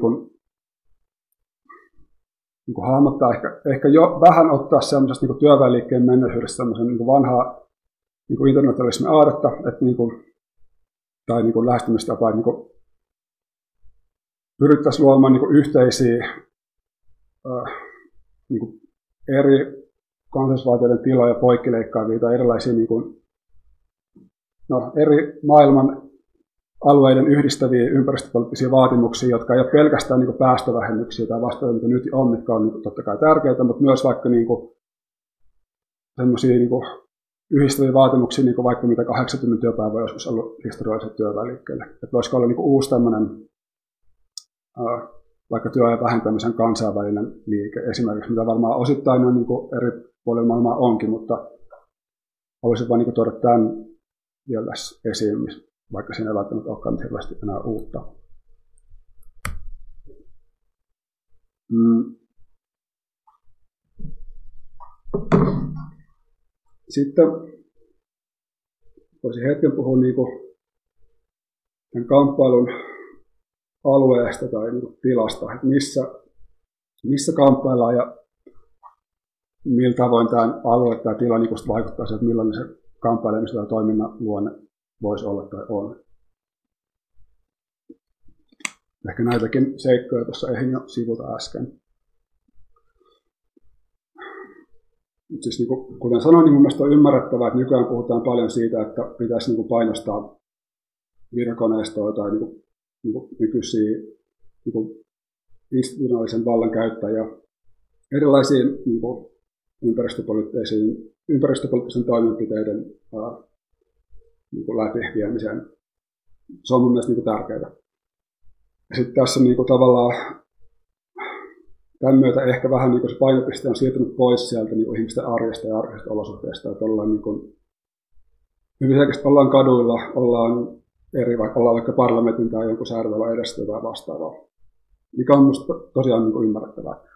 Mutta sitten mietin, että olisiko niin kuin jollain tavalla, voisiko olla mielekästä ajatella sellaista niin kuin paluuta arkeen tai niin kuin paluuta arjen alueelle, mutta ei, ei enää sellaisen niin kuin, ää, yksilöitä syyllistävän tai niiden niin kuin valintoja kyttäävän toiminnan muodossa, vaan sitten sellaisten niin kuin, ää, tuotannon niin kuin tuo, arjen, tuotannon arjen niin kuin, muuttavien aloitteiden piiriin, mistä on ehkä tässä jo jonkin verran puhunut myös. Et mä otin niin kuin, tuo esimerkiksi semmoisen niin kuin sanonnan, mitä aina silloin tällöin kuulee, että, että kun vaikka osallistutaan jonkinlaiseen ympäristöpoliittiseen toimintaan, niin voidaan sanoa, että meitä ei oikeastaan nyt, me ei haluttaisi olla täällä, koska meillä olisi muutakin tekemistä, mutta tämä tilanne on sellainen, että meidän on pakko olla täällä, koska tämä ympäristöpoliittinen tilanne on niin paha. Että meidän on pakko niin kuin, olla täällä ja vaikuttaa asioihin tai yrittää vaikuttaa asioihin, mikä on jälleen kerran niin minusta tosi ymmärrettävää ja se on niin kuin, ikävää, että se tilanne on niin, että, että tämä tilanne on sellainen, että niin kuin tai että se niin kuin näyttäisi, että niin kuin jotain täytyy tehdä, mutta sitten niinku, ehkä vähän aikaisempaan pohjalta, niin voisiko niinku ajatella sellaista lausetta, että niinku me halutaan olla täällä, me halutaan tehdä näitä juttuja. Sellaisena näkökulmana, että niinku, mikä tavallaan voisi tehdä toiminnasta, toiminnasta niinku voimallisempaa tai niinku toimintakykyisempää ehkä. Et ehkä mitä mä niin itse ajattelen, niin mä en ainakaan itse näe, että niin tämä ympäristötilanne olisi sellainen, että niin sitä niin kuin, vähän aikaa nyt tehtäisiin jossain vaiheessa ratkeista. Nyt on niin kuin, pysäytetty ilmastonmuutosta, ainakaan niin kuin mun silmiin se näyttää että mä en, en ole, en ole luonnontieteilijä enkä vastaava, että en osaa sille niin sanoa. Tai niin kuin muutenkaan niin kuin poliittisessa toiminnassa, niin mä en itse näe sillä, että niin tehdään joku kampanja tai niin saadaan aikaa joku muutos, että sen jälkeen niin eletään niin kuin, niin kuin ennenkin tai sen uuden tilanteen puitteissa. Vaan niin ehkä silleen enemmän, että se maailman muuttaminen niin, kuin niin sanottu poliittinen toiminta on hyvä elämän jatkuva käytäntö. Että se, niin kuin, se on jotain sellaista, niin kuin mitä tehdään mielellään, se niin kuin, tuo ihmisiä yhteen, se antaa kokemuksia, se lisää niin kuin, kykyä toimia yhdessä, kun päästään ehkä eroon jostain niin eristäytyneisyydestä tai yksinäisyyden kokemuksesta, tulemalla yhteen, muokkaamalla maailmaa yhdessä. Ja silloin musta niin kuin, äh, olisi niin kuin olennaisempaa pyrkii muokkaamaan se toiminta semmoisen, että ihmiset oikeasti niin haluaa olla siinä, että se antaa niille enemmän kuin se ottaa niiltä. Että, niin kuin, että se, että kyllä mä ymmärrän, että se on niin retorisesti, retorisesti myös, niin kuin, tai voi olla niin käytännöllistä korostaa sitä, että, että, että emme halua niin kuin, olla täällä osoittamassa mieltä ilmastonmuutosta vastaan, vaan tehdä jotain muuta. Mä ymmärrän sen. Mutta sitten voisiko niin kuin, toimia erilainen lähestymistapa siitä, että, jos niin kuin, että ihmiset oikeasti haluaisi tulla muuttamaan asioita. Että se olisi, niin kuin, eikä olisi pelkästään semmoinen niin kuin uudelleen brändäys jotenkin positiivisemmaksi, vaan niin kuin, miettisi sitä toimintaa sellaisena, että se niin kuin, tekisi sellaista, että siihen mukaan tuleminen ja siinä toimiminen antaisi ihmisille enemmän kuin ottaisi.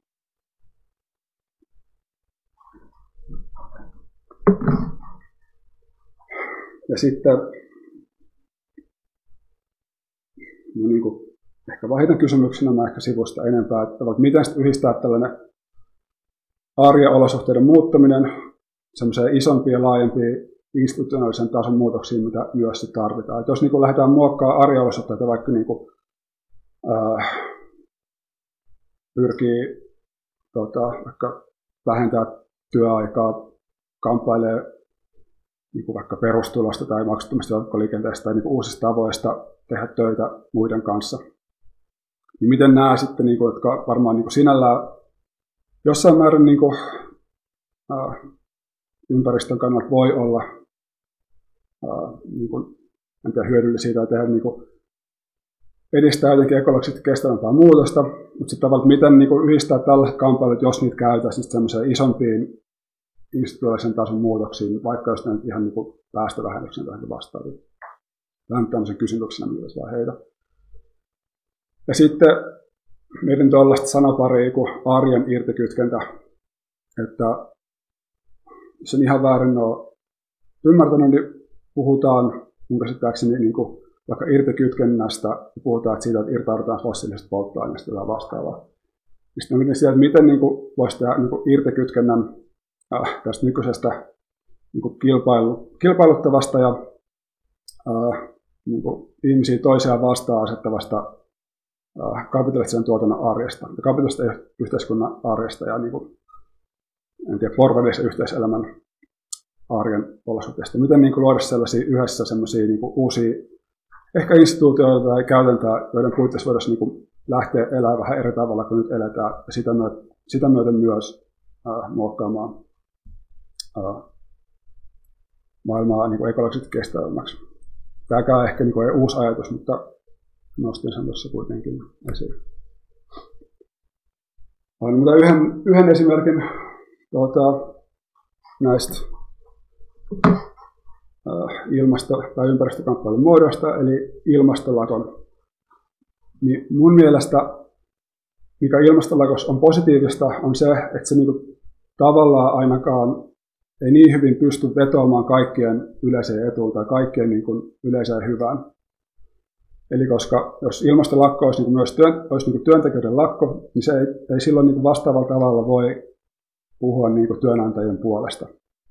Siinä mielessä niin kuin, se on myös positiivinen asia ilmastolakon kannalta, että se ei ole sellainen niin kaikkea hyvää välttämättä ja liike, jossa pystyy niin kyseenalaistamaan tai haastaa nämä niin nykyiset tuotannon hierarkiat, jotka ylläpitää tätä niin kuin, tuotannollista järjestystä, joka on tälle maapallolle kestämätön. Ja sitten just kysymys on ehkä siitä, että miten voisi tehdä tästä niin nykyisesti leimallisesti vielä nuorten, nuorten tota, ilmastolakosta kaikenikäisten lakon. Että voisiko just olla, olla niin kuin yksi tapa koittaa tehdä sit niin kuin laajempi lakko sellainen, että sellaisten niin kuin yleisten ilmastopoliittisten vaatimusten lisäksi niin tuotaisiin siihen rinnalle tällaisia niin tuotannon olosuhteisiin ja tuotannon voimatasapainoon pureutuvia aloitteita, just vaikka työajan lyhentäminen tai joku vastaava, tai perustelu. Ja sitten, että jos ajatellaan ilmastolakkoa taktiikkana tai sen niin taktiikan vaikutuksia, niin se niin kuin, tavallaan niin painostaa yhteiskuntaa muuttumaan, painostaa tuotantoa muuttumaan, mutta se myös, mä näkisin, että jos, se, niin kuin, että jos, jos on kyky organisoida ilmastolakko niin kuin isona yleislakkona esimerkiksi, niin se on myös, niin kuin, se ei ole pelkästään voimien uhraus, vaan se, niin kuin, se järjestäytyminen se lakon puitteissa myös on niin kuin, ihmisten voimien kasvattaja. Luodaan niin kuin, suhteita muihin, suhteet muihin ihmisiin, luodaan niin kuin, jonkinlaista valmiutta toimia. Ja tavallaan siinä mielessä mun mielestä ilmastolakko on niin kuin, uh, no, lupaava toimintamuoto, koska siinä on mun mielestä semmoinen elementti, että se voi niin kuin, tuottaa enemmän, mitä se ottaa, niin sanotusti jos, jos lähestytään niin kuin sitä työvoiman niin kuin toimintakyvyn kasvattamisen kannalta. Vielä muutama dia ennen kuin lopetan, keskust- tai lopetan tämän puheenvuoron, mennään keskusteluun. Niin sitten yksi tämmöinen asia, mikä ehkä voisi yhdistää siihen myös siihen niin paremman elämän haluun, mutta mitä kohtaa mä itse ehkä aavistuksen kriittinen, niin on niinku tämä nykyinen puhe siitä, että tarvitaan niinku utopioita tai vaihtoehtoisen kehityksen tai niinku vaihtoehtoisten yhteiskuntien näkymiä, joka niinku antaisi jonkinlaista suuntaa siihen, että mihin, suuntaan, mihin suuntaan niinku edetä tai millä tavoin toimia, jotta saavuttaisi joku jonkinlainen erilainen olotila, mitä nyt on.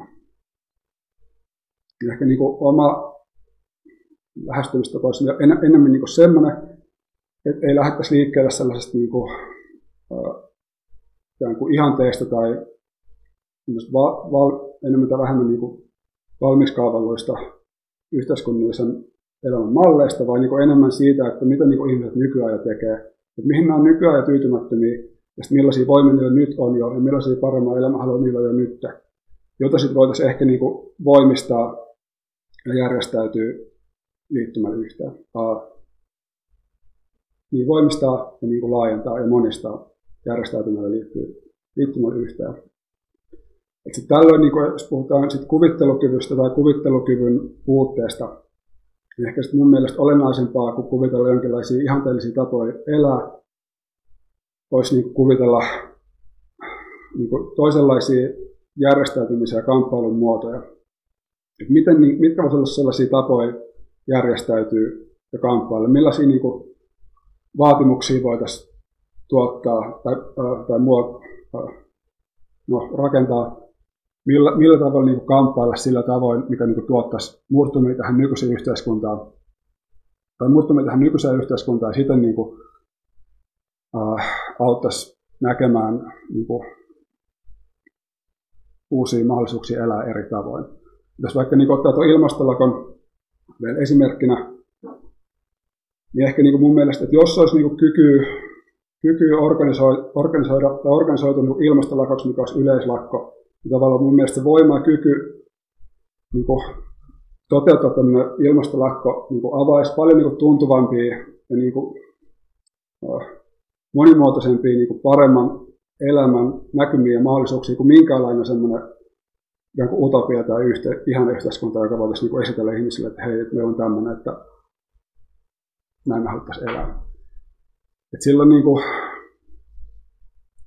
ei tavallaan niin kuin lähdetä liikkeelle siitä, että, että on joku semmoinen malli, jota tavoitellaan, vaan lähdetään niin kuin, että ei lähdetä siitä niin kuin liikkeelle, että olisi joku ihan tai päämäärä, jonka niin kuin saavuttamiseksi lähdettäisiin järjestäytymään vaan niin lähdetään järjestäytymään ja luomaan niin yhteistä voimaa, jotta niin syntyy äh, mahdollisuuksia elää sillä, sellaisin tavoin, mitä me ei vielä niin kuin pystytä näkemään tai havaitsemaan ilman sitä yhteistä järjestäytymistä ja yhteistä kykyä. Ja sitten tässä on mun mielestä niin kuin, silleen voi olla olennaista niin kuin kyky organisoida konflikteja ja kamppailua, joka sitten muuttaa jostain niin kuin mahdollisen alueen tai niin sanottujen niin realiteettien ää, aluetta yhteiskunnassa. Eli että jos just pysytään järjestäytyä liikeeksi, joka pystyy, pystyy niin organisoimaan konflikteja, pystyy niin järjestäytyä kamppailuun, niin sitten se myös muuttaa, tai ehkä voi muuttaa ää, niin kuin erilaisia voimasuhteita yhteiskunnassa, erilaisia, niin kuin, tuottaa murtumia nykyisiin niin kuin, ikään kuin luonnollisina näyttäytyviin asioihin, ja sillä tavalla niin kuin avata tämän nykyisyyden, näitä nykyisen niin kuin, ihan vaihtoehdottomuuden niin kuin uudenlaisille elämänmuodoille, uudenlaisille elämisen mahdollisuuksille. Eli tässä mielessä nämä niin kamppailut jostain yksittäisistä vaatimuksista voisi olla koko ajan niin kuin isompia tai laajempia mm, no, mahdollisuuksia. Vielä viimeinen dia. Eli mä oon puhunut, olen puhunut niin työväenluokasta, työvoimasta, ja sitten niin historiassa on niin kuin, nämä käsitteet on hyvin äh, ollut hyvin läheisessä tekemisessä ollut niin työväenliikkeen, järjestetynä työväenliikkeen kanssa. Ja ehkä voisin niin sanoa sille, että ainakin mun niin näkökulmasta työväenliikkeiden historia on epäjatkuvuuksien historiaa. Et kun tuotanto on muuttunut, niin kun se on kapitalismin muuttunut niin merkittävillä tavoilla, tai niin tuotannon, ää, miten tuotetaan, ketkä, ketkä niin tuottaa ja millaisissa niin suhteessa muihin työläisiin niin näin päin pois.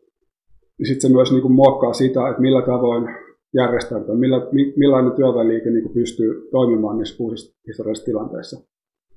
Et jos niin kuin, tämä niin kuin vanha työväenliike ei kykene niin kuin, reagoimaan tai muuttumaan sillä tavoin, että se pystyy jollain tavalla mielekkäästi vastaamaan tähän nykyiseen tilanteeseen, jossa tämä nykyinen tuotantotapa, tuotantomuoto ää, ei niin kuin pysty, tai siis nykyinen tuotantotapa ei niin kuin ole enää ekologisesti kestävää, että se ei niin kuin, sen puitteissa ei niin kuin näytä mielekkäältä enää jatkaa, jos halutaan jollain tavalla säilyttää maapallo elikäytösenä. Et jos työväenliike tai työväenliikkeen vanhat instituutit ei pysty vastaamaan tähän niin kuin uuteen tilanteeseen, niin sitten ehkä ne sitten niin kuin muuttuu tarpeettomaksi, tai sitten ne muuttuu jollain tavalla vanhentuneeksi, ja sitten nousee uusi niin kuin tarve sillä, että jos halutaan vielä niin kuin pysyä niin kuin näissä näiden käsitteiden piirissä, kuin työvoima, työväenliike ja työväenluokka, niin sitten niin kuin ainakin mun mielestä nousee tarve niin jollain tavalla rakentaa uusi, uudenlaisia työväenliikkeitä, uudenlaisia työväenjärjestäytymisen muotoja, sikäli kun nämä käsitteet on enää sellaisia, että niitä halutaan käyttää. Tietysti voi olla, voi olla niinkin, että niin nämä työ, työväki, työväenluokka ja työvoima ja tällaiset sanat on niin, kuin niin sidoksissa jo menneeseen ajatteluun, että tarvitsisi ehkä tuota, niin, muokata uusia käsitteitä, keksiä uusia tapoja puhua näistä asioista, mutta mulla ei ole semmoisia tässä, niin mä puhun edelleen työväenluokasta. Ja mä näkisin, että, niin nämä, että kun nykyään ajatellaan, että tai ehkä ajatellaan, että voisi niin olla mielekästä löytää niin yhteisiä nimittäjiä ympäristöliikkeen ja työväenliikkeen välillä, että miten niin voisi vaikka ympäristöaktiivit ja työväenliikeaktiivit tehdä yhdessä asioita. Tämä on, tämä on mun mielestä niin kuin, mielekäs ja ymmärrettävä lähtökohta. Mutta ehkä mä ajattelisin myös niin, että nämä niin kuin, työväenliikkeen vanhat puolueet ja liitot ei ole mun mielestä ainakaan niin kuin pelkästään niin kuin välineitä tehdä jonkinlaista ympäristöpoliittista muutosta, vaan on myös niin kuin, muutoksen alueita itsessään. Eli niin kuin nykyiset ammattiliitot ja niin puolueetkin, niin työväenpuolueet, ainakin mun nähdäkseni, niin on niin kuin hyvin olennaisesti mukana niin kuin säätelemässä nykyistä kapitalistista tuotantoa. Et niin kuin, tai sopimassa siitä, millä tavoin tuotetaan. Ja, ja tavallaan, että jos, niin kuin, jos halutaan niin kuin ehkä mm, muuttaa se, millä tavoin niin kuin, tuotanto rakentuu, millä tavoin tuotetaan, niin se ei välttämättä niin kuin riitä, että toimitaan niiden vanhojen sopimuksellisten kehysten, kehysten puitteissa, vaikka niitä voisi lähteä ehkä haastamaan. Ja tällainen, niin kuin, en tarkoita sitä, että jos niin romuttaa niin kuin vanhan työvälikkeen saavutukset tai niin kuin myöntyä siihen, mitä niin työnantajat nykyään haluaa, että jos ne haluaa enemmän paikallista sopimista tai vastaavaa. Vaan niin kuin ehkä lähtee, että jos niin kuin nämä vanhat puolet ja liitot ei niin kuin lähde mukaan riittävällä voimalla näihin niin kuin, äh, ympäristöpoliittisiin aloitteisiin tai kamppailuihin, niin minusta se on niin olennaista ja tärkeää pyrkiä miettimään, että mitä voisi olla niin uudenlainen työväen järjestäytyminen sellaista näkökulmasta, että se järjestäytyminen olisi myös ekologisesti kestävä. Ja tämä on tavallaan se, jos mä nyt vähän vedän yhteen, niin tavallaan semmoinen lähtökohta puhua tästä, että niin kun, mä en ajattele, että tämä niin työvoiman näkökulma niin koko, tai niin kaiken kattava näkökulma tähän ympäristökysymykseen tai ympäristöliikkeeseen, vaan niin yksi mahdollinen tapa, mikä niin on mun mielestä kuitenkin tärkeä, jos halutaan edistää jonkinlaista ekologisesti kestävämpää muutosta. Ja, ja ehkä voisin vielä sen sanoa, että tämä ehkä voisi, voisi olla myös, niin kuin, saattaisi olla tarpeen vähän niin kuin purkaa sitä vastakkaista, että kuka on ympäristöaktivisti. Ja sitten myös sitä, että kuka on niin vaikka työläisaktiivi tai vastaavaa.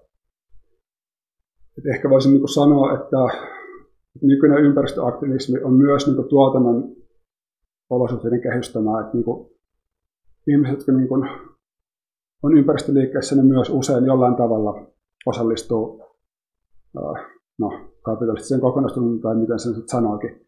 Ja sitten myös niin nämä nykyiset työväenliikkeen toiminnan muodot on myös hyvin keskeisesti sidoksi siihen, millaisia ympäristöresursseja nykyisessä tuotannossa käytetään ja millainen niin kuin, ympäristön hyödyntämisen tapa mahdollistaa nämä nykyisen työväenliikkeen toimintamuodot ja vaatimukset.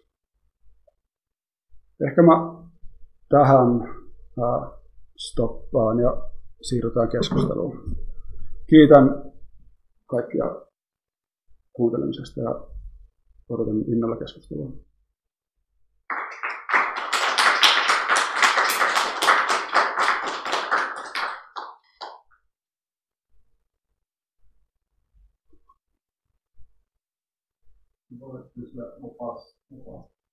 Joo. Sitä loppua jää miettimään. Tuossa työryhmän päässä useamman tehtaan taisi olla neljä kuukautta tuossa kiinni. Paperiliitto on niin tehokas työväenliikkeellä, mutta ei se niin. Että nyt tämä kiinnostaa muu, että se on lisää litsaa omasta asemasta ja muuten. Se on aika päheitä, jos siellä alkaisi olla sitten näitä ekologisia mutta on puhutaan tätä AV-puolta. Puhtaampaa polttoainetta ja muuta kun taas elokapina on niin populi kyllä saa paljon julkisuutta, mutta se on niin työväenliikkeenä tai niin hajanainen taustalta. Ja nyt kapitalistia paljon hirveästi heittää toista monenhenkisesti, niin kuin se tämmöisiä poikkeja. Systeemi ei niitä paljon kiinni.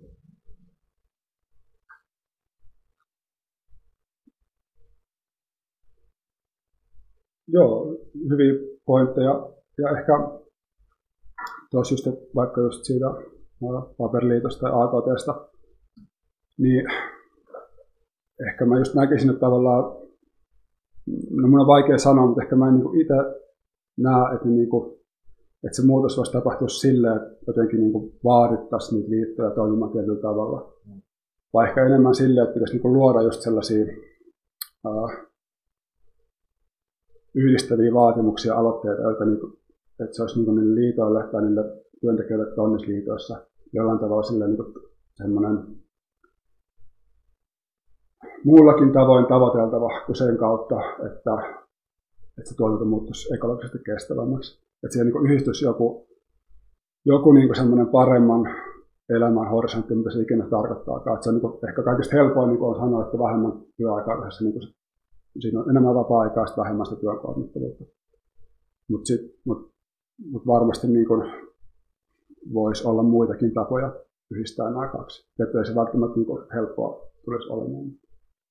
Ja, ja, ja kyllä niin kuin, mun käsittääkseni liitoissa on, on myös sellaista niin ympäristöajattelua, että se niin kuin, jonkun verran on sellaista kyllä, mutta sitten miten se niin kuin, käytännössä näkyy niin siitä. Niin.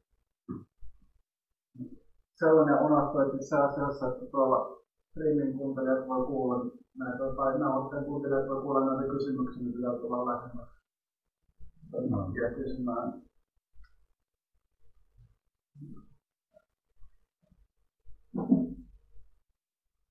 Jos tota, äh,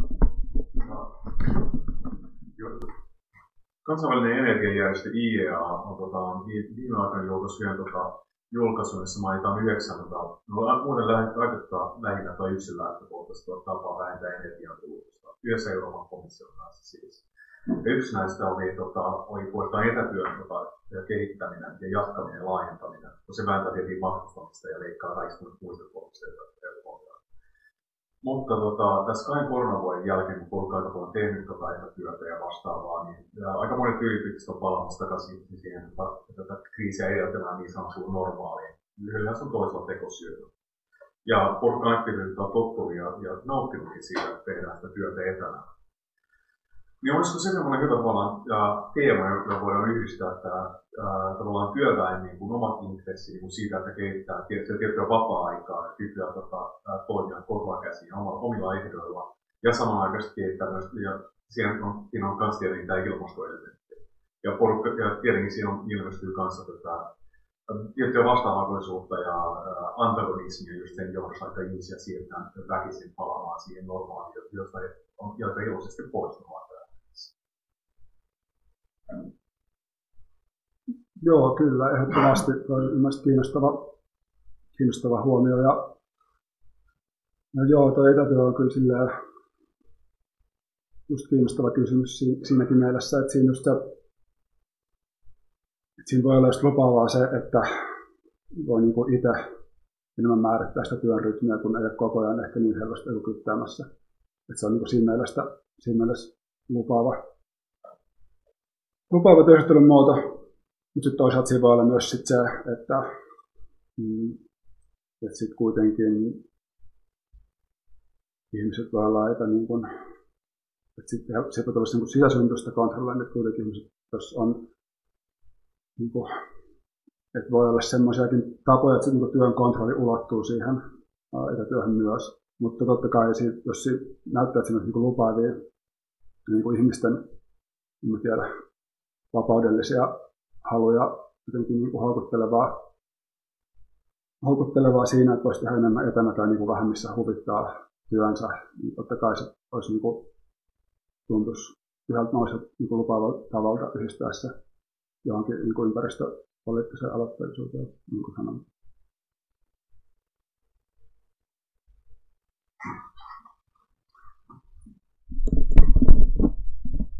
Äh, joo, niin siis musta oli mielenkiintoista kuulla näitä pohdintoja siitä, että missä olisi seuraavaksi vastarintaa tai tällaista liikehdintää, koska äm, esimerkiksi Skotlannissa nämä kaikki asiat tulee tosi paljon niin kuin ihmisten selkärangasta, tai siellä näitä asioita on käsitelty tosi kauan, mutta sitten Suomessa jotenkin tuntuu siltä, että usein joudutaan aloittamaan niin kuin paljon, niin kuin, paljon niin kuin alemmalta tietoisuuden tasolta, että joudutaan miettimään kaikki sellaiset asiat, tavallaan uusiksi ja eri kontekstissa, että Suomen ja Skotlannin kontekstit eroaa tosi paljon toisistaan.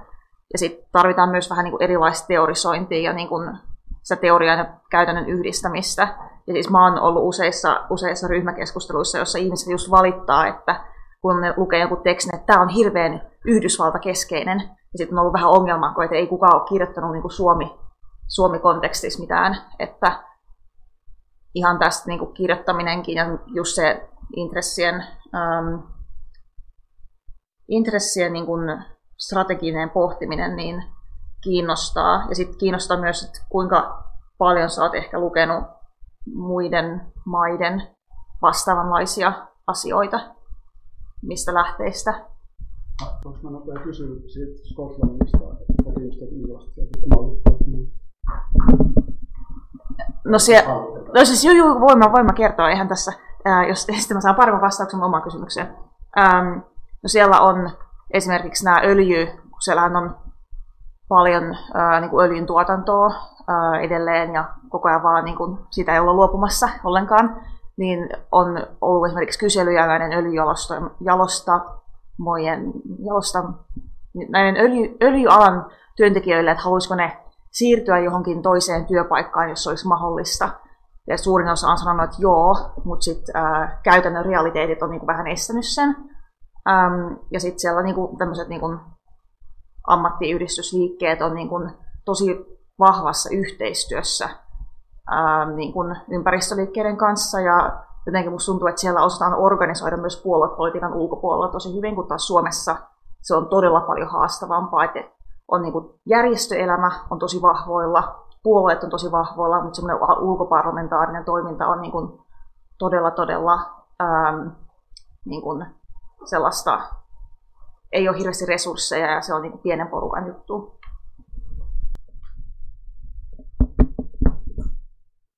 Joo, kiitos. Uh, hyviä kysymyksiä ja kommentteja. Uh, ehkä mä aloittaisin siitä, että miten, niin kuin, miten näissä nykyisissä olosuhteissa on jotain sellaisia valmiuksia tai ää, mahdollisuuksia toimia. Ehkä mä itse näen silleen, että, että, niin kuin, no, että ne olosuhteet on tavallaan täällä, mitä ne on. Ja sitten niin kuin niiden puitteissa täytyy sitten vaan löytää ne tavat toimia, että sitten toimii. Tai ehkä tosi yksilöllisesti sanottu, mutta kuitenkin. Että tavallaan usein, niin kuin, ja mun mielestä se on niin kuin, mielekäs lähestymistapa lähteä liikkeelle just siitä, mitä ihmiset niin kuin, nyt jo tekee, että miten ne niin kuin, nyt jo elää, miten ne nyt toimii, niin kuin, ei välttämättä sillä, sillä kannalta, että millaisia semmoisia niin kuin, niin kuin, niin kuin suoran poliittisesti artikuloituja näkemyksiä heillä on, tai, tai miten ne niin kuin, vaikka suhtautuu johonkin poliittisiin ideologioihin tai puolueisiin tai tälleen, vaan niin niiden arjessa tai niiden niin kuin, äh, työpaikkatoiminnassa tai vastaavassa. Tämä niin kuin, mm, että miten niin olla tavallaan jotenkin herkkänä sen kanssa, että millaisia on semmoiset, äh, ehkä niin kuin usein saattaa niin näkymättömiä jäävät jo semmoista vastarinnan potentiaalia, millaisia ne voi olla. Että mä en, niin kuin, en osaa tässä sanoa mitään sellaista, mikä voisi olla, paitsi just joku hitaat aamut, mikä mä tässä mainitsin. Mutta äh, mutta silleen ehkä just se, ehkä mä ajattelin sen niin, että tavallaan se, että miltä niin kuin joku tuleva ympäristöpoliittinen järjestelmä voisi näyttää, niin se, se ei niin välttämättä ole vielä meille selvällä näkyvissä. Että se on niin sellainen tutkimuksen, ei tarvitse niin akateemista tutkimusta välttämättä, vaan niin tutkiskelun ja pohdinnan ja niin karttamisen ja kokeilemisen juttu. Ja sitten se tavallaan, sen täytyy olla sellaista, että se just soveltuu siihen niin kuin ihmisten niin kuin jo, jo niin kuin omaksumiin toiminnan ja ajattelun tapoihin, jotta siitä voi tulla sellaista isompaa, että se jää silleen siihen, että, että tavallaan niin kuin ne tyypit, jotka on järjestäytyneitä, yrittää viedä niitä omia tapojaan toimia jollekin muille, ja sitten kun se ei toimikaan, niin sitten sit niin ollaan Tämä on niin kuin oma kokemus aikaisemmin varmaan niin yleinen kokemus siitä, että tavallaan se on tosi vaikeaa järjestää, että se ei ole mitenkään niin helppoa, että miten, että miten tavallaan, jos halutaan toimia yhdessä sellaisten ihmisten kanssa, jotka ei tavallaan jaa sellaista samanlaisen poliittisen toiminnan kulttuurin, mistä ehkä se järjestelmän aloite tulee, niin miten tavallaan tehdä sitten toiminnasta sellaista, että se ei, ole se, ei tapahdu niin, että niinku siitä niinku onko se organisaatio tai joku kollektiivi tai mikä niin tavallaan tuo ihmisille ne tavat, mitä järjestetään, vaan että se pohjautuu jotenkin siihen jo, miten ihmiset itse toimii ja millaisia valmiuksia heillä on. Mä en tiedä, mä en tiedä vastauks mä ihan. Sitten kysyt niistä, tota, uh, että minkälaisia lähteitä, niin että mun täytyy sanoa, että mä oon aika niin vähän lukenut loppujen lopuksi sellaista nykyistä niin poliittisia kirjallisuutta tai ympäristöpoliittista kirjallisuutta, että haluaisin lukea enemmän, mutta sitten on aina kaikkea muuta. Ja en ole ehtinyt ehkä niin kuin, että varmaan niin kuin mitä mä olen päätynyt kirjoittaa siitä, mistä mä olen kirjoittanut, tai puhumaan, että mä puhun, mistä mä olisin lukenut. No varmaan niin kuin no, Marksia ja sitten, sitten just niitä Italian operaista ja, ja sitten on kulkenut vaikka tämän, niin kuin, tämän niin kuin Suomessa toimineen niin präkeraatiliikkeen teoreemillyn läpi, en ollut siinä liikkeessä aktiivinen, mutta niin lukenut sen, sen läpi ja sitten tavallaan niin kuin, sitten ehkä näistä lähtökohdista pyrkimistä miettiä jonkinlaisia ympäristöpoliittisia tulokulmia. Sitten tietysti seuraan ja luen, miten mulle niin sano mitään sellaista selkeää lähetettä tai niin, enemmän silleen kokemusta tai että olet seurannut mielenkiinnolla. On tiettyjä Suomessa tai ulkomailla tai musiikkia tai no sellaisia on lukenut yksi, mikä tulee ainakin mieleen mainita, niin on ollut viime aikoina kirjoitettu jonkun verran just niistä, mitkä taisi ehkä mainitakin, tota, niistä uh, Venetsian 60-lukujen kemikaalitehtaiden kamppailuista. Että niistä on semmoinen tyyppi kuin Lorenzo Feltrin kirjoittanut ja tehnyt tutkimusta ainakin.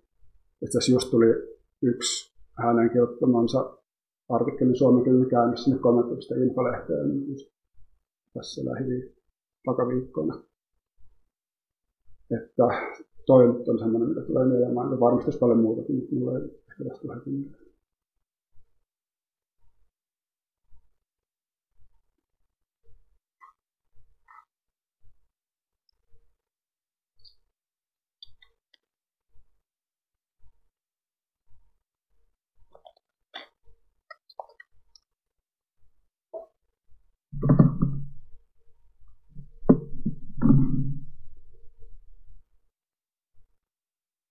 Tämä tuli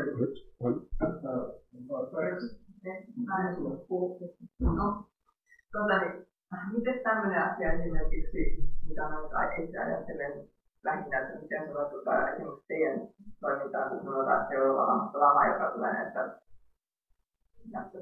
Venäjän kauppaa käydä ja, ja muuta, muista näistä määräyksistä, että se on, että 90-luvun lama oli pelkästään harjoitusta sitä varten, että se tulee olemaan pahempi. Ja tuota, niin, toivottavasti loppuu käytännössä melkein kokonaan sitten koko Euroopassa kenties. Ja, ja tota, siis se ilmasto ehkä kiittää siitä, mutta että miten se esimerkiksi tämmöinen ihmisten toimintaan, toimintaan vaikuttaa. Siis tämmöisiin äh, energian hinta nousee hyvin paljon, niin kuin toi on noussut, ja nousee koko ajan. Ja ähm, sitten pyritään takaamaan kuitenkin, että yrityksillä olisi energiaa, joilla ei ole, että kuljelättäreiden kanssa missään kukaan, eikä älypuhelimien. Ja sitten niin kuin, mihin on varaa, että niin kuin sitä listailla, että, että äh, ei ole leipää, ota ohi. Sitten meillä on enemmän aseita kuin ruokaa. Pahimmassa tapauksessa se on vaan viisi, mutta aika lähellä. Niin miten te olette valmistautuneet tämmöiseen tilanteeseen kaikkea, mitä siitä, kaikki, mitä kaikkea, siis maailma muuttuu nyt yhtäkkiä paljon näiden asioiden siihen muutokseen varautumista ei oteta olemaan missään. Ainakaan valtiollisuudessa. Onko teillä? Mm-hmm. Aloitaks mä? Okay. Uh, joo, uh, tosi, tosi iso kysymys. Ehkä en, en ehkä osaa heti vastata. Tota, mm, ehkä voisin sillä sanoa, että, että jos, jos tulee niin tämmöistä lamaa, niin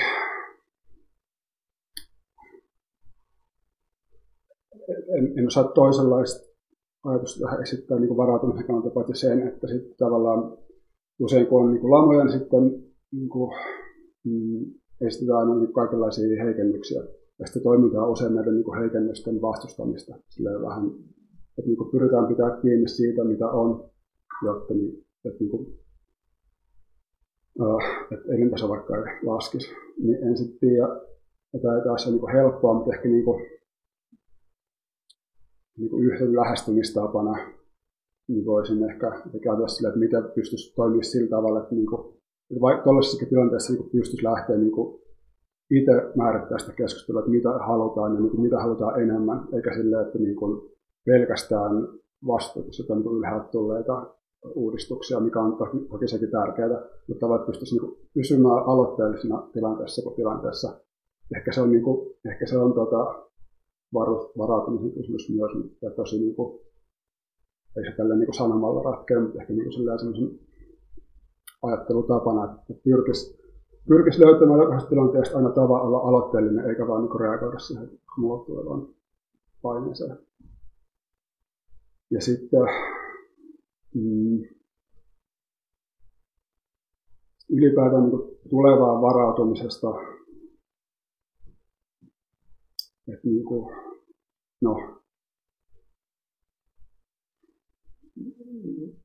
mulla ei ole sitä mitä niin vahvaa kantaa, mutta ehkä mä itse ajatellut enemmän silleen, että totta kai niin jossain mielessä on mielekästä varautua tulevaan niin ennakoida, mutta ehkä enemmän niin sit silleen, että pyrkii niin ennakoimaan sitä, mitä tapahtuu, jotta se niin ei tapahtuisi. Että pyrkisi niin vähän niin katsoa eteenpäin, että millaisia niin muutoksia on tulossa. Että jos vaikka, jos vaikka niin kuin, mm, on näkyvissä, että tuotantoa muokataan erilaiseksi tai, tai vaikka niin kuin sosiaaliturvaa tullaan muokkaamaan, että näyttää siltä, että tullaan muokkaamaan. Niin on tavallaan, niin kuin, tai vaikka niin kuin tehdään isoja ympäristöpoliittisia muutoksia. Niin tavallaan olisi, niin kuin, jos lähdetään niin kuin työvoiman näkökulmasta niin katsomaan sitä niin kuin tilannetta, jos tavallaan valmiin siihen, että niin voisi että tätä niin hyödyntää tai kääntää toiseen suuntaan kuin se, mihin se niin kuin, pääoman tai niin kuin, kaupallisen valtion intressien puitteissa tulisi menemään. Eli, eli jotenkin tälle sanottuna, että niin tarkastelisi, mm, niin kuin, tämä on varmaan sun puoli sitä, että jos tämä siis tarkastelisi niin kapitalismin niin kuin muutostarpeita ja niin kapitalismin niin kehittymisen ennusteita siltä, siitä näkökannasta, että mitä nämä niin kuin kehittymisennusteet tarjoaa, että millaisia niin tilaisuuksia ne tarjoaa työväenluokan kumoukselliset toiminnot tai niin aloitteelliset toiminnot. Mutta mä en tiedä, onko sä muotoilit kysymyksen niin teillä, että mä te haluaisin muut tähän kanssa vastata kysymyksiin. No pitäisi nämä toimia niin, että, että ja USA varmaan laskee siihen, että nämä pakotteet pakottaa pääomia siirtymään, pääomia siirtymään myös USAan Euroopasta.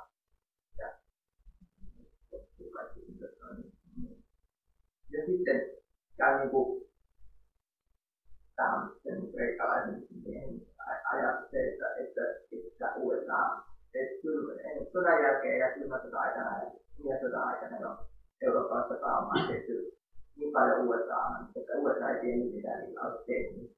Ja sitten Saksaa ja Japania sitten sodan jälkeen ensisijaisesti näillä sijoituksilla tai nousumaan niin tämä vastaava tulee, tulee niin näillä pakotteilla kyllä voimaan.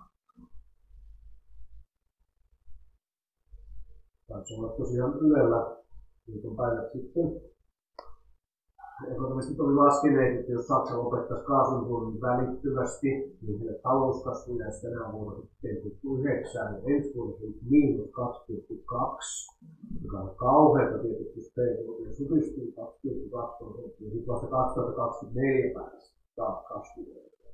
Eli nyt niin kuin, jos tulee miinus 2 prosenttia jollekin verran siinä, että kaupunki katoaa ja tuomitetaan palkat toisella niin olisi ehkä vähän kuin pohdinnan paikkaa myös. Joo, ei, en mä, ei ollut pelkästään tämmöistä. Lama oli jo alkanut ennen kuin tuolta takaa alkoi oikeastaan tai sitten alannut.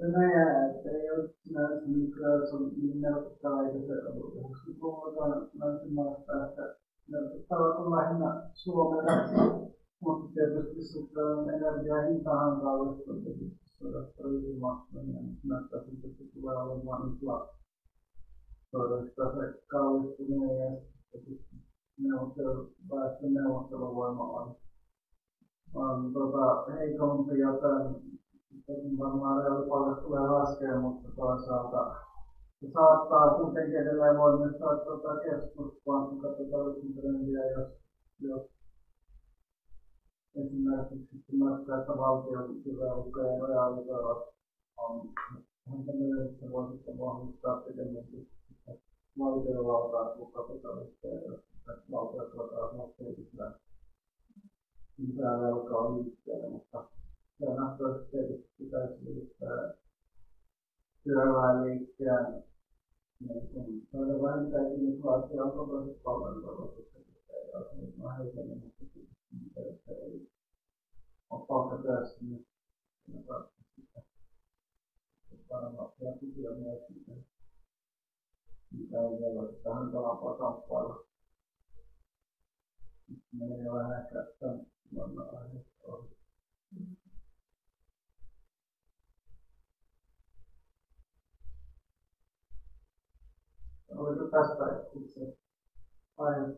Tämä on nyt ei ole niin mahdollista, tämä on nyt ehkä kuukausi tai kaksi sitten tuli se juttu, jonka tästä oli jossain muualla jotain keskustelua siitä komentoitusta ja onko niin kuin ollut esimerkiksi analyykoulukolaisessa kiinnostusta tähän keskusteluun jossain muualla?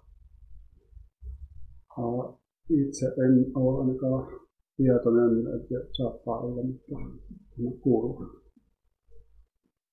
oliko tämä aivan tarkoitus vai jotain jatkoa tai julkaisua? Uh, Siellä muualla uh, kyllä ainakin tämä teema on sellainen, että kiinnostaa, että varmaan jatkan niin kirjoittamista jotenkin tähän aiheeseen liittyen pohdiskeluun ja toimimista.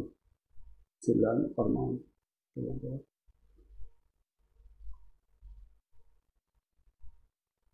Mä tiedän, että ympäristö, ympäristöpiireissä vähän sellaisesta, että se puuttuu ominaisuus tämmöistä pohdintaa tai sellaista ideologista puheesta tai analyysiä tai ennakointia. Toiveiden niin helpotusointia. Tätä portamaa lähteenä me ei sitä, koska me ei ole maksia tai ei jotain tätä operaista. Niin. Että näistä niin kuin esimerkiksi ihan paljon ihmisiä, jotka uskon, että ne, niin koko ajan kysyvät, että koska on semmoinen yleinen yleislaki ilmastoasioiden puolesta. Kyllä pitää rakentaa aika paljon niin kuin, niin kuin, tämmöistä niin kuin, tukea ja kaikkea niin tällaista ihan materiaalista ja muutakin tukea ja niin pystyy tekemään sitä, mutta jotkut ihan superinnoissa. Nyt pitää, että mä itse olen vähän miettinyt siitä vastaan vastaamista niin ilmastolakoista, niin näistä niin helpotemoista, jotka on tuolla eduskuntaan edessä perjantai, koska nehän on aika pieniä ja niin samat hommat tosi kauan, että on niitä symbolisesti tärkeä. Mutta se on lähinnä ilmastoisuvantia, jotka ei tietysti olisi vastuussa tai täällä on niin vapaa-ajalla siellä. Ja sitten se on enemmän jämätten aikaista niin poliittisia mutta niin monipuolisempaa, eli oikeasti kunnon tuokko. No, ehkä vähän enemmän, tai mutta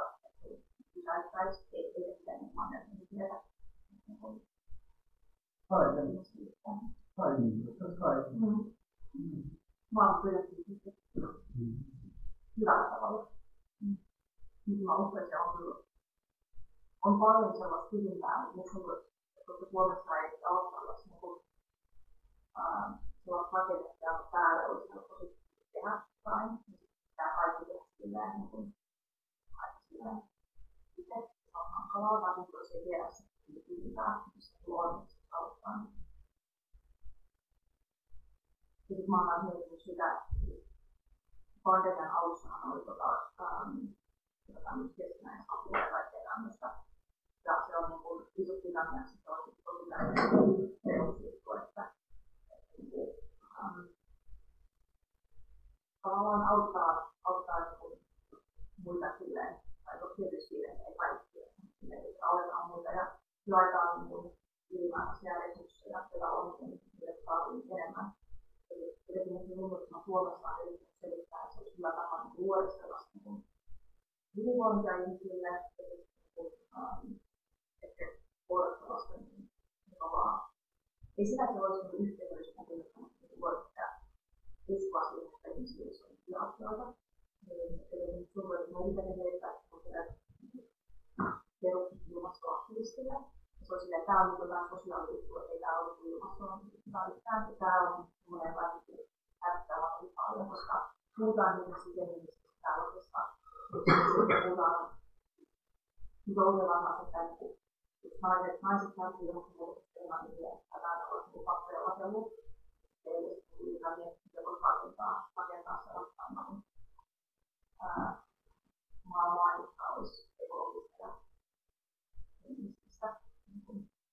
arkea. Että nämä kaikki asiat, yhteen, niin mä olisin todella kiinnostunut ja tuntuu sieltä, että on iso efekti.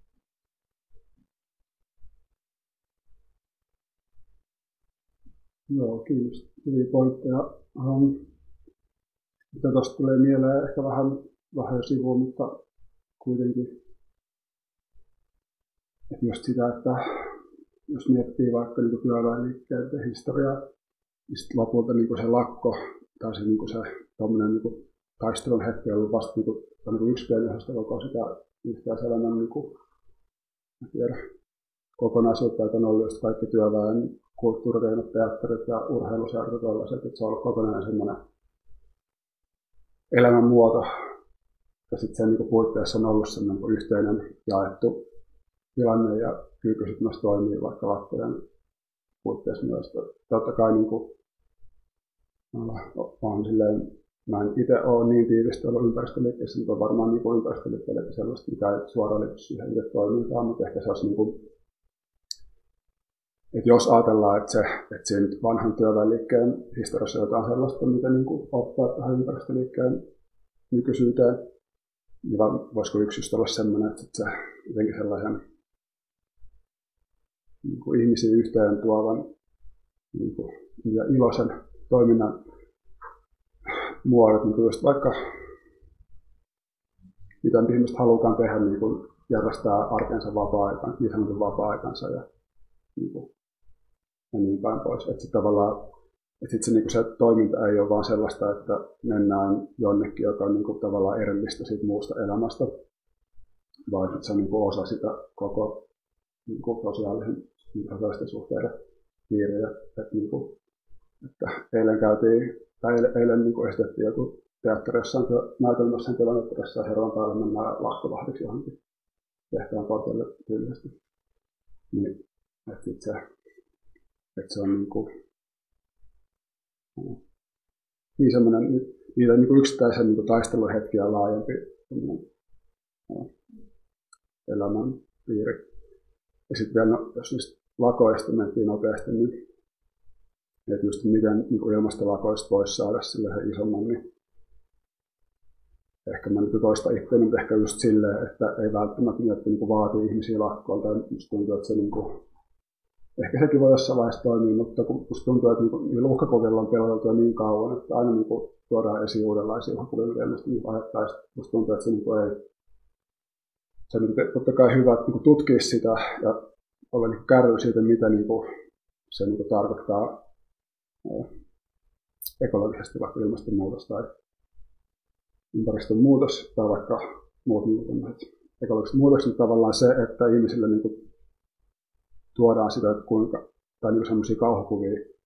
Minusta tuntuu, että niitä on ollut niin pitkään, että se silti niin kuin ei ole tuonut sitä muuta. Että se on niin jotain muuta myös, joka, tai sitten totta kai nykyään on paljon muuta, mutta, mutta tavallaan niin pelkästään se ei riitä, että ihmiset tulisi niin tietoiseksi siitä, että heidän täytyy toimia. Toimia, jotta niin saataisiin joku muutos, vai ehkä siinä pitäisi olla jotakin sellaista. Mä nyt puhun ilosta tai sellaista, mikä niin vetoo ihmisiä, että ne haluaa tulla sinne mukaan sen toimintaan ja niin olla siinä mukana, mukana siinä, mitä tehdään. Tota, no, mutta oli niin kuin, täppi, tai siis, en tiedä mitä mieltä olisin, mutta kun mä olin esimerkiksi ilahtunut, kun mä mun ikäiset menee kaikki tietysti kulttuuritalolle kuuntelemaan Veisaamista silloin appuaattona ja sitten yhtäkkiä mä kuulin tämmöisestä mielellä sellainen perinne, että että siellä on sopua, että nämä vastareet ja demareet yhteiset tanssiaiset tuolla, tanssit tuolla työväentalolla. Ja mä vaan, että okei, nyt on ihan positiivisesti aktiivisia, itse tekevät jotain, ne edes liikkuvat. Niin, tota, nyt ne kuulemma on romahtamassa, kun ihmiset ei haluta enää tulla tämän, tämän no, katketun tietysti poliisin aikaan. Niin ei haluta tulla että ei, sitä ei, nyt sitä järjestetä mitään. Että pitäisi sitä olla niin kuin, siis ikään kuin työväliikkeen vanhalta rakenteet poistuvat kokonaan vai pitäisikö sitä olla pahoillaan, että, että vähänkin aktiivisesti loppuu. Tai vähänkin yhteistyö. Tapa, tämmöinen vapaa, miten sanoisin. Asia oli paljon kaiken, kun tuli kommenttia, jos olisi tietysti Minusta on tavallaan surullista, että on hyvä se, että loppuun tosi hyvä, että se olisi hyvä ollut. Jos kaikki hyvä loppuun, niin se on hyvä. Sitä, että olisi just, on paljon semmoisia mahdollisuuksia internet ja kaikki ja kaikki tämmöisiä alustoja ja diskurssia, mitä viettää ja tavoitteita. Sitten me ollaan käytetty sellaiseen, no jokainen tekee mitä haluaa, on vielä potentiaalista, niin että ei tarpeeksi muuta. Sitten saadaan ihan kriittiä esimerkiksi, että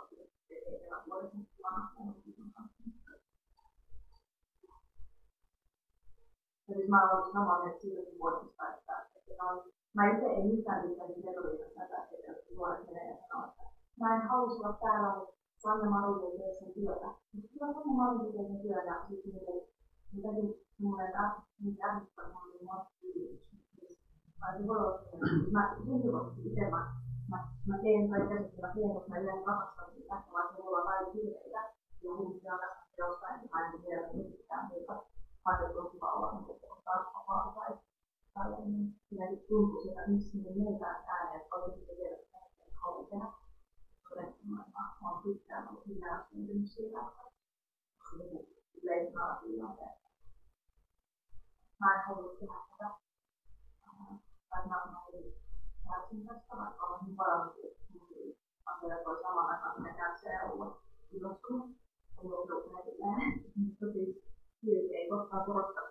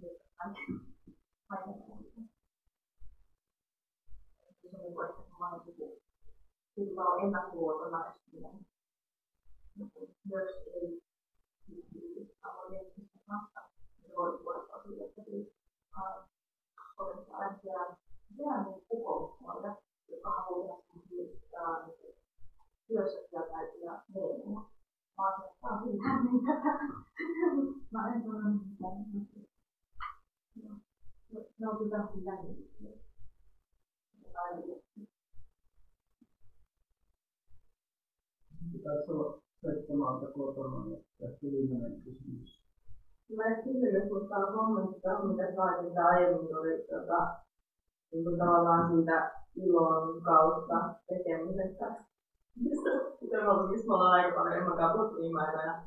Mutta tota, ja ehkä tuossa mitä sä sanoit jotenkin siitä, että mm, jotain kuitenkin niin vähän markkinoita. Mulla tulee siitä mieleen tavallaan sellainen, että se ihan niin yksiselitteistä, kun jos miettii vaikka että jos kuuluu seksuaalivähemmistöön tai jos on vain musta tai ruskea, niin silloin tavallaan aina se aktivismi ei välttämättä ole sulle valinta, vaan on vähän niin pakotetusti tekemässä sitä. Sitten tavallaan jotenkin suhde siinä, että miten um, se voi silti olla tavallaan sellaista jotenkin ilon kautta tekemistä, jossa tavallaan ihan eri tavalla niin kuin systemaattisesti sortettuna kuin vaikka valkoisena ihmisenä. Ja sitten myös niin ilon kautta tekemisestä se, että miten Ää, tässä mä tykkään sitä ajatusta tosi paljon ja jotenkin tuntuu tärkeää, mutta että miten se eroaa.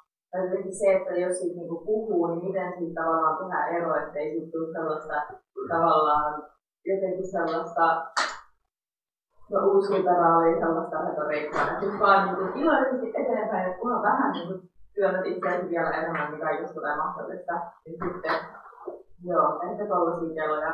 Ja ehkä sitten vielä se jotenkin se, um, aktivismin tai jonkun muutosvoiman tavallaan kanavoimisen hankaluus jotenkin niin kuin kapitalismissa sen takia että kun tavallaan sit on vaikeampi tehdä, sit kun siitä ei saa rahaa ja kapitalismi on pakko saada rahaa, niin sitten jotenkin se, että miten jotenkin sen tien luoviminen, luoviminen sitten tavallaan sitä tekemistä kohti tällaisessa tilanteessa, milloin ei vielä vaikka ole mitään perustuloa ja sitten kuitenkin, että se niin hankaloittaa sitten vaikka niin vielä enemmän. Tai, niin, sille tulee helpommaksi se tekeminen, jos on jollain tavalla etuoikeutus asemassa. Joo. Mutta tuli no, mun, mun mielestä hyviä pointteja. Ja tota, niin ehkä mä voin vielä lisätä tai kommentoida, että mäkin ajattelin just silleen, että no, vaikka puhuu niin työväenluokasta ja työvoimasta, niin se on totta kai, että se ei ole mikään semmoinen yhtenäinen ja niin kuin, tota, niin, mikä sanoisi, äh, eheä semmoinen äh, subjekti tai toimija, vaan niin sisäisten erojen, erojen niin kuin, jakama, jotka sitten kääntyy hierarkioiksi ihmisten välillä. Ja sitten tavallaan, miten mä ajattelen, niin toiminnan täytyisi niin lähteä siitä, että ihmiset on niin erilaisia ja ihmisillä on erilaisia toiminnan mahdollisuuksia ja ää, niin kuin resursseja. Että olisi tavallaan just niin politiikan lähtökohta on se, että niin kuin lähdetään siitä niin ihmisten niin arkisesta olemisesta, missä ne on, eikä, eikä, eikä niinkään tavallaan siitä, että, että on joku semmoinen niin kuin, selkeästi artikuloitu poliittinen tavoite, jota niin kuin pyritään sitten, niin kuin, johon pyritään saamaan ihmiset niin mukaan. Tavallaan just, että se, että se toiminta on just sellaista, että se niin kuin,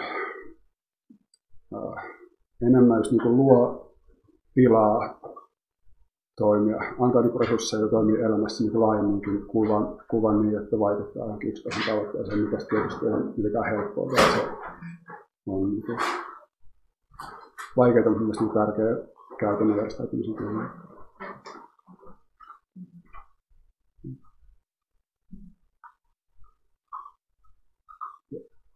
Onkohan vielä, vai oliko